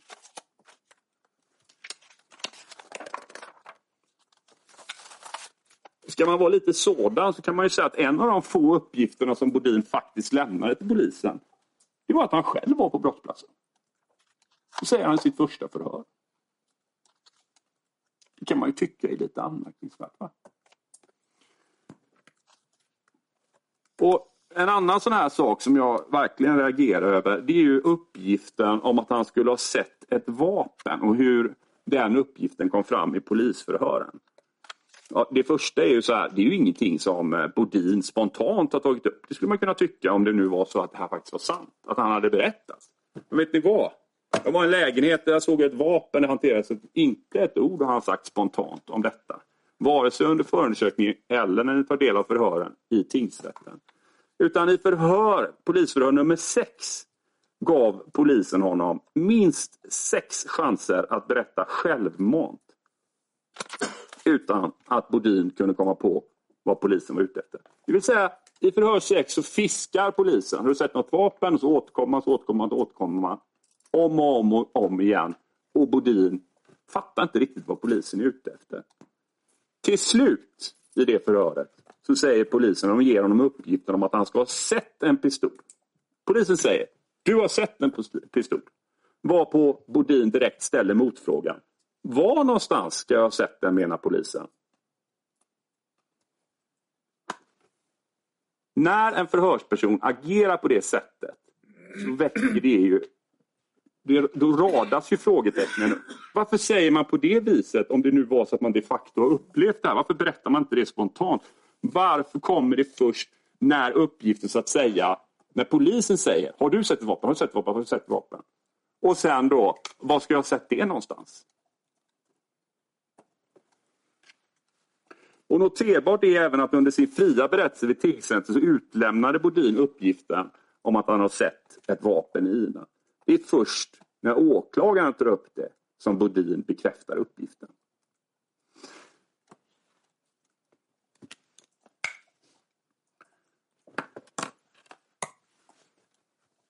Bodins missbruk och minnesförmåga. Bodin har under förhöret i tingsrätten dessutom lämnat uppgifter kring sitt missbruk, sin förmåga att minnas saker som tvivels utan förta tillförlitligheten till hans berättelse. Och jag tänkte att vi ska ta del av dem nu. Det här är alltså från förhöret i tingsrätten. Du märker att jag har ganska dålig tidsuppfattning. Ja, Okej, du har dålig tidsuppfattning. Precis. Mm. Hade du det under den här kvällen? Ja, Okej. det har jag jämt. Förlåt? Det har jag jämt. Det har du jämt. Vad beror det på då?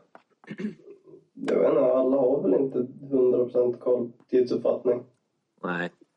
Och med tidsuppfattning då och minne och sådär, hur, hur har du ställt med det? Jag har skitdåligt minne. Du har skitdåligt minne. Mm. Okej. Hur kommer det sig? Käkar mycket benzo. Okej. Är det, är det någonting som du hade gjort i anslutning till den här dagen? Ja, kvällen innan eller om det var två dagar innan. Då hade du käkat massa benzo, Mm. Inte massa, men några stycken. några stycken. Mm. Och då, det påverkar ditt minne då? Ja. Äh, Vi behöver inte upprepa det. nej, nej, jag Jag måste var, dela upp nej, det med att advokaten sammanfattar. Ja. Vi har hört allting Ja. redan. Ja. Eh, vad Filip Bodin beskriver att den här kvällen, den, här, eh, den 28, så har han tagit så pass mycket narkotika så han själv beskriver sig som att han var alldeles bäng. Han har på frågor från försvaret, när han, jag till exempel ställer han frågan Ja, du använder mycket möjligt och du använder begrepp som jag antar. Vad menar du med det? Och så framkommer det då när man frågar om, ja, men det betyder ju att jag är osäker. Och det här vill försvaret lyfta för det är ju givetvis viktigt tolkningsdata för tingsrätten när man ska in och värdera vilken förmåga han har haft att göra korrekta iakttagelser.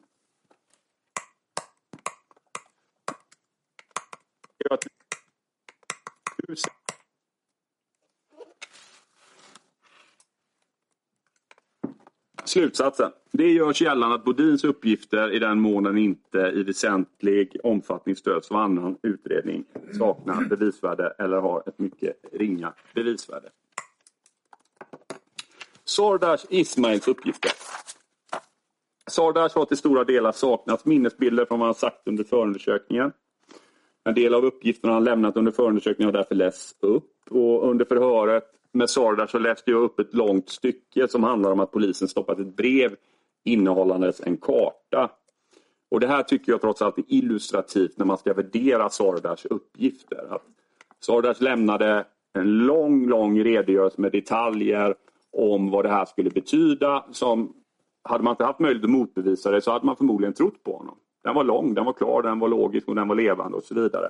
Utan det är ju först när polisen faktiskt konfronterar honom och säger ja, men vet du vad, vi har tittat på den här kartan och vi tyckte den stämde överens med Europcars lokaler. Vi tittade där och hittade ett vapen. Då motbevisad, då vänder Sardas och säger ja, men, ja, jag erkänner. Det vill säga att det han har sagt, det var ren lögn.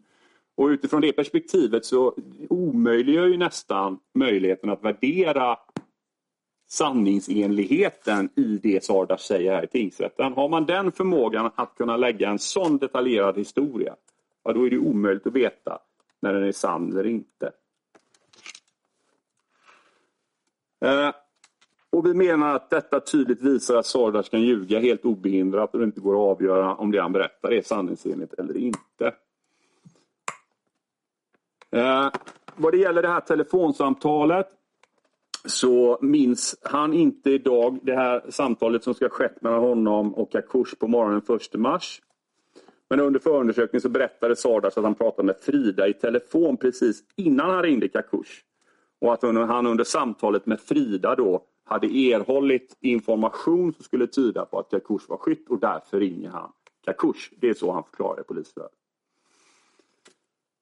Och vi har kunnat visa att det inte finns något samtal mellan Sardas och Frida på morgonen i tiden före det samtal eh, som var mellan Sardas och Kakush.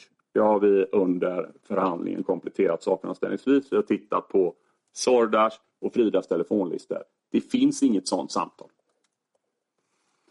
Och då menar försvaret att vi har ju motbevisat det som Sordas säger där. För att en del, en inte oväsentlig del av den historien går ut på att det är Frida som ger han uppgift och det är därför han ringer Kakush. Och vi gör därför gällande att det, den uppgiften som Sordas lämnat under förundersökningen, vad som sagts i samtalet mellan Sordas och Rushdie, saknar bevisvärde. Särskilt med beaktande av att Abbe lämnat uppgifter om att han överhört samtalet och berättat att Sordas var arg för att Kakush hade tagit med Abbe hem till Sordas familj. Avslutningsvis är det också slående hur Sardas tonat ned sin koppling till Prenga trots att han bevisligen haft ett intresse i hur Prenga betett sig redan i mitten av februari. Som framgår av sms till Harit har Sardas sagt att han inte visste. Mitta, just det. Han har också sagt att han blev chockad över att Prenga började praktisera på Europcar i tiden eh, mars 2022. Det tycker jag låter ganska besynnerligt att han skulle blivit chockad över en sån sak när Prenga varit nära Frida, när Prenga var sedan gammalt en god vän med Arit. Prenga var ju också bevisligen med på den här vapenresan. Och Prenga var även med på mötet på Europcar. Och så av någon anledning så vill Sordas hålla Prenga så, säg, så långt ifrån som möjligt fastän det finns omständigheter i målet som med all önskvärd tydlighet visar att Sordas mycket väl vet vem Prenga är redan innan den 28 februari. Modis uppgifter. Eh, han säger att det var Sordas som bestämde på Europcar. Han har berättat att den svenske killen hämtade en påse eh, med pistol i. Han har inte vidgått att det är Prenga, men vi menar att det är utrett att det inte befann sig någon annan person på Europcar den 28 februari som skulle kunna ha varit den Modi kallar den svenske killen. Prenga har i polisförhör placerat sig på Europcar den 28 februari och vi menar att han är den person som Modi kallar den svenska killen. Eh, den uppgiften är också förenlig med att Prenga hade vapen med sig till skolan samma dag, det vill säga 28 på morgonen. Och sammanfattningsvis så menar vi att Modis uppgifter, vad de visar, eh, det är att Prenga har haft tillgång till minst ett vapen vid tiden för mordet. Modi har också sagt att Sardars, Frida och Morad har försökt påverka Modi genom att säga vad han skulle uppge till, till polisen. Specifik uppgift han lämnat är att Morad sagt att Modi skulle säga att Murre blivit hotad av Kakush. Det har dock inte hänt enligt Modi. Uppgiften att Morad skulle blivit hotad har ingen stöd i utredningen. Arits uppgifter. Ja, han har berättat att han eh, jobbat för Sordas flera år, eh, kände hela familjen. De är mycket, mycket nära varandra. Han har berättat att han kände Prenga sedan 21. Och eh, En intressant detalj här som man ska ta med sig det är ju att Arit han har inte kunnat säga var det här vapenliknande föremålet kom in i bilen vid den här vapenresan den 26. Och vi påstår från försvarets sida att det där vapenliknande föremålet, det hade Arit och Prenga med sig från Hudiksvall när de begav sig ner till Stockholm. Varför skulle Arit annars åkt ner till Stockholm? Arit har sagt att det var Sordar som skickade adressen Ullaredsgränd till Arit och det menar vi visar på att det är Sordar Ismail som styr och ställer under vapenresan. Arita har också berättat att Sardas kom till Europcar i samband med att Kakush släpptes av. Och sen så har vi Barans, målsäganden Barans uppgifter och den menar försvaret, eller hans uppgifter menar försvaret utgör motbevisning mot åklagarens gärningspåstående vad gäller identitet på skytt. Han har bekräftat det han sa under eh, polisförhör. Skytten var inte maskerad. Han sa under förundersökningen att han skulle känna igen skytten om han gavs möjlighet. Han gavs den möjligheten genom att man då föranstaltade om en fotokonfrontation i vilken han pekade ut en annan person än Kakush. Och här vill vi också att tingsrätten särskilt noterar att man inte genomfört en fotokonfrontation med målsägaren Baran i vilken Julian Prenga har ingått. Han har aldrig haft möjlighet, det gavs aldrig möjlighet att kunna identifiera Julian som eventuell gärningsman. Eh, något då om rörelse och kommunikationsanalyser av RKs telefon. Det jag vill säga här är att den utgör ju inte positiv bevisning för åklagarens påstående, den här analysen. Utan det åklagaren har visat är att RKs mobiltelefon var inaktiv mellan 22.10 och 00.46. Att den varit inaktiv talar ju vare sig för eller emot att RK har varit på någon brottsplats i så fall. Eh, vad försvaret menar, det är väl i så fall om något att den ger stöd för det eh, Rushdika Kurs har uppgivit. Nämligen att han inte befann sig på brottsplatsen. Han var tillsammans med sin telefon men han låg och sov och det var därför den var inaktiv. Det är alltså, eh, menar vi, omständigheter som talar emot åklagarens gärningspåstående. Och då har vi gått igenom de enskilda bevisen och då går man över till sammanvägning av bevisningen. Uh, och hur det ska gå till kan man läsa om i NJA 2023 sid 29 punkten 66. Och eh, som försvaret då visat så eh, menar vi att DNA på patronhylsan och tändsatspartiklarna saknar bevisvärde givet RKs förklaring. Och i och med att de saknar bevisvärde så ska de heller egentligen inte ingå i sammanvägningen av bevisningen för det är förbehållet bevis som så att säga åsätts ett bevisvärde.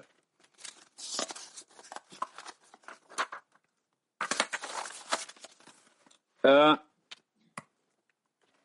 Filip Odin och Liam Legebro har vi gått igenom. Och vi menar att det finns så mycket frågetecken och tvivel kring deras uppgifter, hur de har växt fram. Eh, vi har pekat på Bodins eh, oförmåga att kunna göra korrekta iakttagelser. Och vi menar att deras uppgifter ska tillmätas ett lågt bevisvärde. Och deras uppgifter sammantagna eh, menar försvaret inte visar annat än det som Kakush säger, nämligen att han befann sig i Ina den här kvällen men han har inte varit på brottsplatsen. Och Det som tingsrätten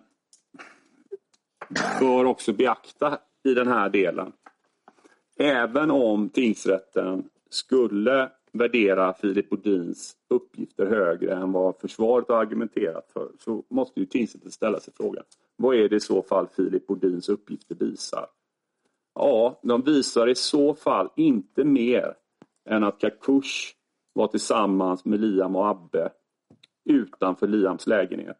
Att Bodin gick åt ett håll, Liam, Abbe och Kakush gick åt ett annat håll att ungefär tio minuter efter det så stöter han på Abbe och Akush. Vad som har skett under de tio minuterna, vem som har varit på brottsplatsen och hur man har rört sig där, det vet inte Filip Bodin någonting om. För han var enligt egen uppgift inte där.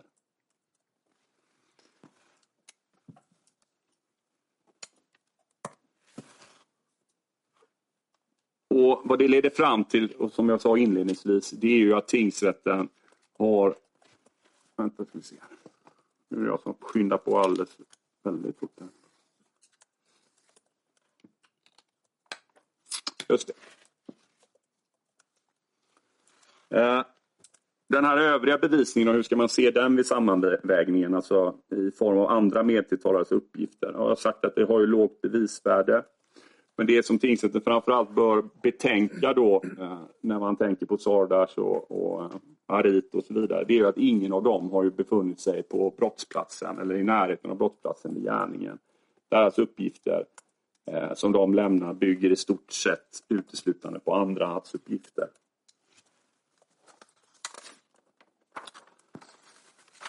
Ja.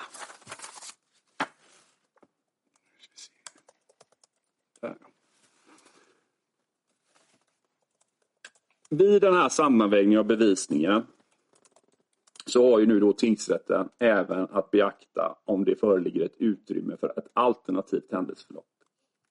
Till exempelvis en alternativ gärningsman. Och för det fall att bevisningen lämnar utrymme för en alternativ gärningsman och att den inte kan uteslutas så är åtalet inte styrkt. Och den avslutande delen av vår plädering ägnas åt att redovisa omständigheter i den här utredningen som faktiskt talar för en annan gärningsman, nämligen Julian Prenga.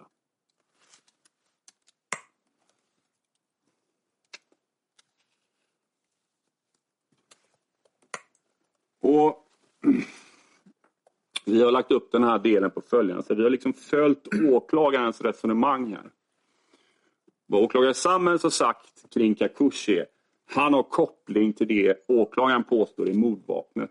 Åklagaren säger att det hämtades upp den 26 februari på vapenresan. Kakush var med, Kakush hämtade vapnet. Tittar man då på Kakush och Prenga, vad är det som är utrett? Jo, DNA från Kakush på patron. Samma sak finns på Prenga. Det ger ju en lika stark koppling till vapnet i så fall. Ja, Kakush har tändsatspartiklar på kläderna. Vad det gäller Julian Prenga så finns det ingen utredning där för man tog aldrig hans kläder i beslag. Det utesluter ju inte att Julian Prenga kan ha haft tändsatspartiklar på de kläderna han bar den 28 februari. Det är ju inte utrett. Vad har då Kakush lämnat för förklaring? Det har jag gått igenom. Hanterat patroner, provskjutit. Julian Prenga har fått frågan hur kommer det sig att ditt DNA fanns på en patron? Men han har inte kunnat lämna en förklaring till den omständigheten. Julian Prenga, han har hanterat ett vapen på morgonen den 28 februari. Det är samma dag som mordet begås. Han har... Det finns en bild på honom med ett vapen som är taget 28 april. Och vi har den här bilden från hans telefon på tre stycken vapen. Och här ska man ju särskilt notera det här vapnet med den bruna kolven. Det finns ju uppgifter som gör gällande att det här mordvapnet, den pistolen, ska ha haft en brun kolv och det har aldrig återfunnits. Det här menar vi innebär att utifrån DNA-förekomsten, kopplingar till vapen, så är i så fall Kakush eller Prenga lika trolig gärningsman som Kakush.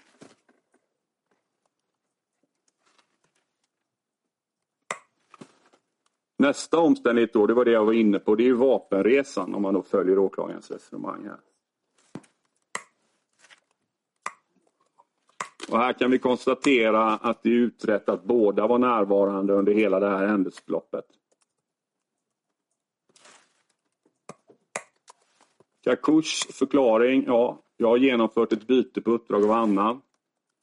Benga ser jag var närvarande men jag har inte hanterat någon vapen eller ammunition. Men vi kan konstatera att båda personerna var med på vapenresan och den omständigheten, det vill säga vapenresan, den är lika för båda.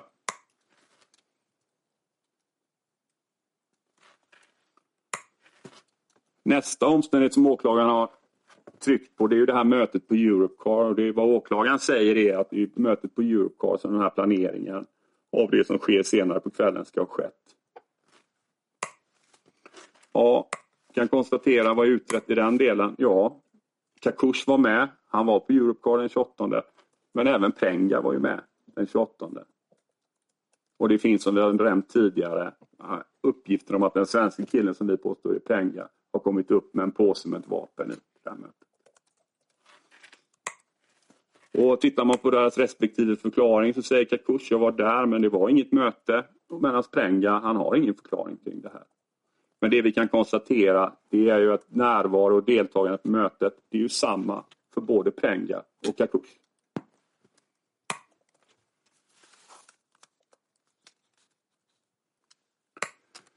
Motiv. Här har ju åklagaren anfört att eh, det är så att säga grund, motivet grundar sig i en kamp om marknadsandelar på, eh, på narkotik, marknadsandelar avseende narkotikahandel. Det är det som så att säga är det bakomliggande motivet till varför detta sker.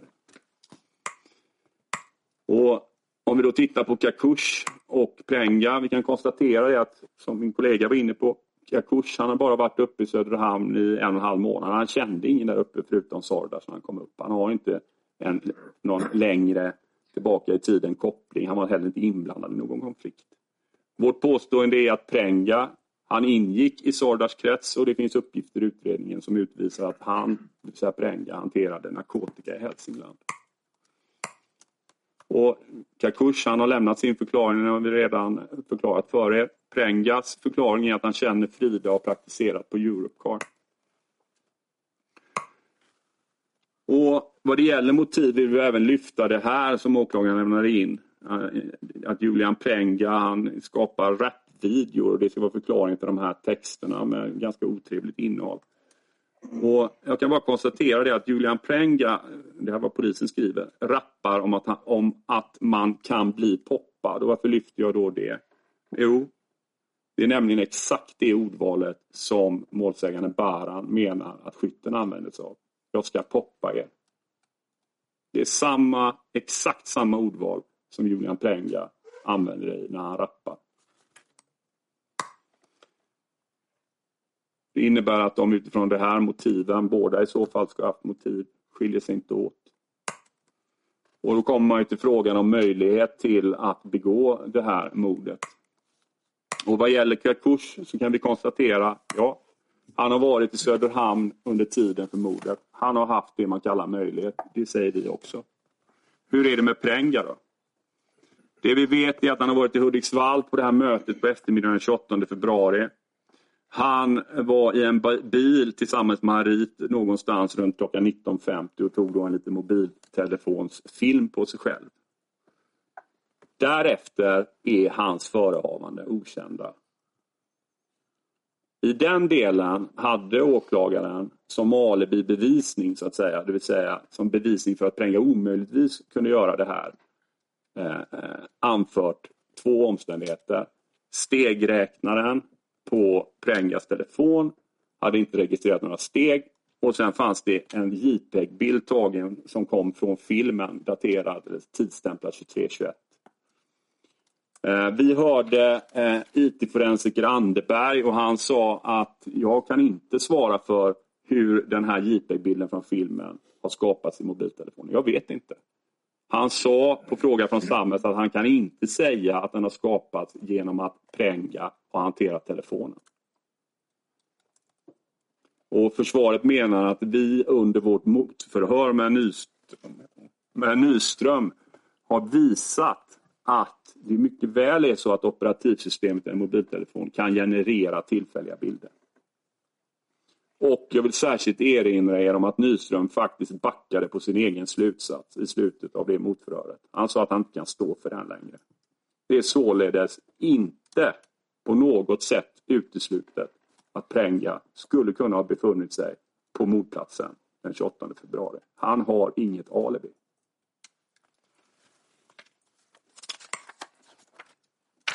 Dessutom om man tittar på förklaring så säger ju ändå eh, Kakush, jag sov hos Abbe Inar, det var därför jag var där, för jag skulle få sovplats. Vad det gäller Prenga så har han hört, han har ingen minnesbild av den här kvällen. Han kan inte ge någon förklaring, han kan inte komma upp med ett alibi. Det innebär i så fall att såväl Kakush som Prenga har haft möjlighet att utföra det här mordet. Men det som skiljer dem åt, det är målsägandens utpekande.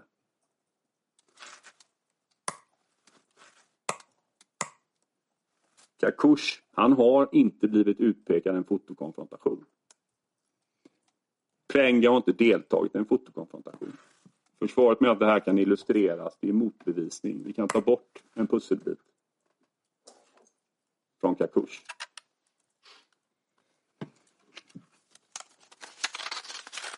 Det här är ju ett sätt för oss att illustrera att åklagare Sammens har inte uteslutit Julian Prenga som alternativ gärningsman.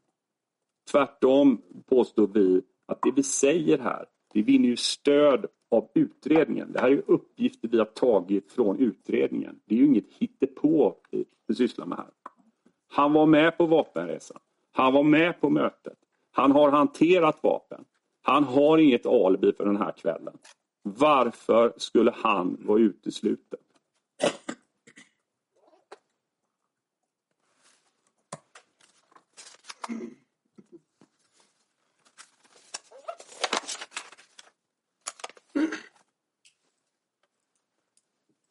HD skriver i eh, domen, Märstadomen, alltså mordet vid busshållplatsen, att prövningen av alternativ gärningsmannen sker i två steg. Först ställer sig tingsrätten frågan om utredningen som sådan ger utrymme för det. Det menar vi att den gör. Därför är åtalet inte styrkt. Men vad HD också säger är så här. Även om utredningen inte ger stöd för den så ska tingsrätten ställa sig frågan, hade ytterligare utredning kunnat inneburit att, man, att det hade funnits utrymme för en alternativ gärningsman? Och vi menar då att det dessutom finns brister i den här utredningen, åtgärder som hade kunnat vidtas direkt och som potentiellt då hade kunnat lett fram till ytterligare omständigheter som pekar mot annan gärningsman. Om man till exempel leker med tanken att man inledningsvis hade fått en DNA-träff på Prenga och sen så dyker den här JPEG-bilden upp som enligt polisens forensiker och analytiker inte går att avgöra hur den skapats. Hade man då verkligen satt Prenga på fri fot omgående och avskrivit honom från utredningen? Knappast. Man hade gått vidare. Då hade man gått till botten med det här och vad hade man då kunnat hitta? Ja, man hade kunnat säkerställa hans telefoner. Det vi har fått fram med den här utredningen det är att han har haft i vart fall tillgång till tre olika telefoner varav två stycken inte är tömda och inte analyserat. Han har haft tillgång till ett flertal telefonnummer där alla inte är analyserade och genomgångna. Hade han varit aktuell inledningsvis i den här utredningen hade man kunnat kontrollera hans alibi. Man hade kunnat ta hans kläder i beslag för att undersöka om han hade tändsatspartiklar på dem. Man hade kunnat eftersöka mordvapnet hemma hos honom genom husrannsakan. En rad åtgärder hade kunnat vidtas om Julian Prenga hade varit aktuell i inledningen av den här utredningen. Och det var precis det Nyström sa på min fråga. Desto tidigare vi får tag på telefonen kan säkra saker, desto större möjligheter för mig att göra en ordentlig analys. Prenga kommer in i det här sex månader efter händelsen. Då är förutsättningarna för att göra den analysen dåliga. Och Vi menar också att man, har, man fram till denna dag har underlåtit att vidta vissa åtgärder. Man har inte hört personer angående Prengas alibi. Man har inte utrett fullt ut vilka telefoner och telefonnummer Penga har brukat. Man har inte tagit kontakt med Snapchat Inc. vilket det går alldeles utmärkt att göra. Det kan vara tidsödande för att på så sätt komma åt Snapchat-meddelanden som kan vara raderade. Man har inte gjort någon fullständig undersökning av alla kommunikationsapplikationer. Man har inte kontrollerat Prengas bank-id eller andra identifikationsapplikationer. Det finns en rad åtgärder som hade kunnat vidtas om han hade varit misstänkt direkt, men som man fortfarande också kan vidta. Som hade kunnat lett till ytterligare omständigheter som talar för en alternativ gärningsman. Sammantaget och det här är sista bilden. Jämför det med hur det såg ut i mordet vid busshållplatsen. Om man jämför de här målen. Mordet vid busshållplatsen var det enskilt viktigaste beviset. Det var att målsägandens blod hade påträffats på en jacka.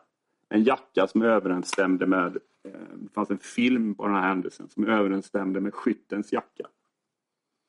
På den jackan, utöver målsägandens blod, fanns då den tilltalades DNA i nacken plus tändsatspartiklar. Någon motsvarande koppling finns ju inte i det här målet. Det finns ingen direkt koppling mellan målsäganden och Rushdie Kush. Dessutom så handlade Märstamålet, eller mordet på busshållplatsen, också om frågan om det fanns utrymme för en alternativ gärningsman.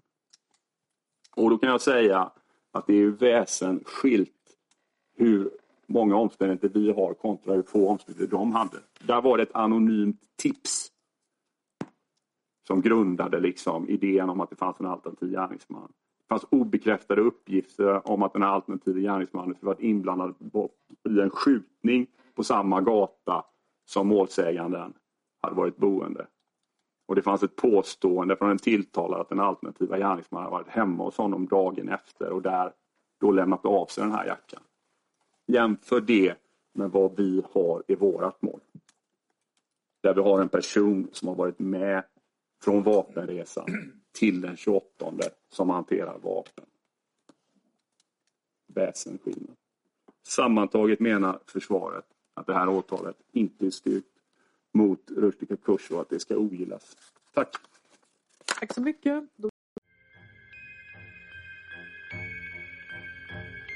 Ni har lyssnat på ett avsnitt av Krimfupps podcast. Tipsa gärna oss på krimfupp.se om det är någon speciell rättegång ni skulle vilja höra. Tack för att ni har lyssnat.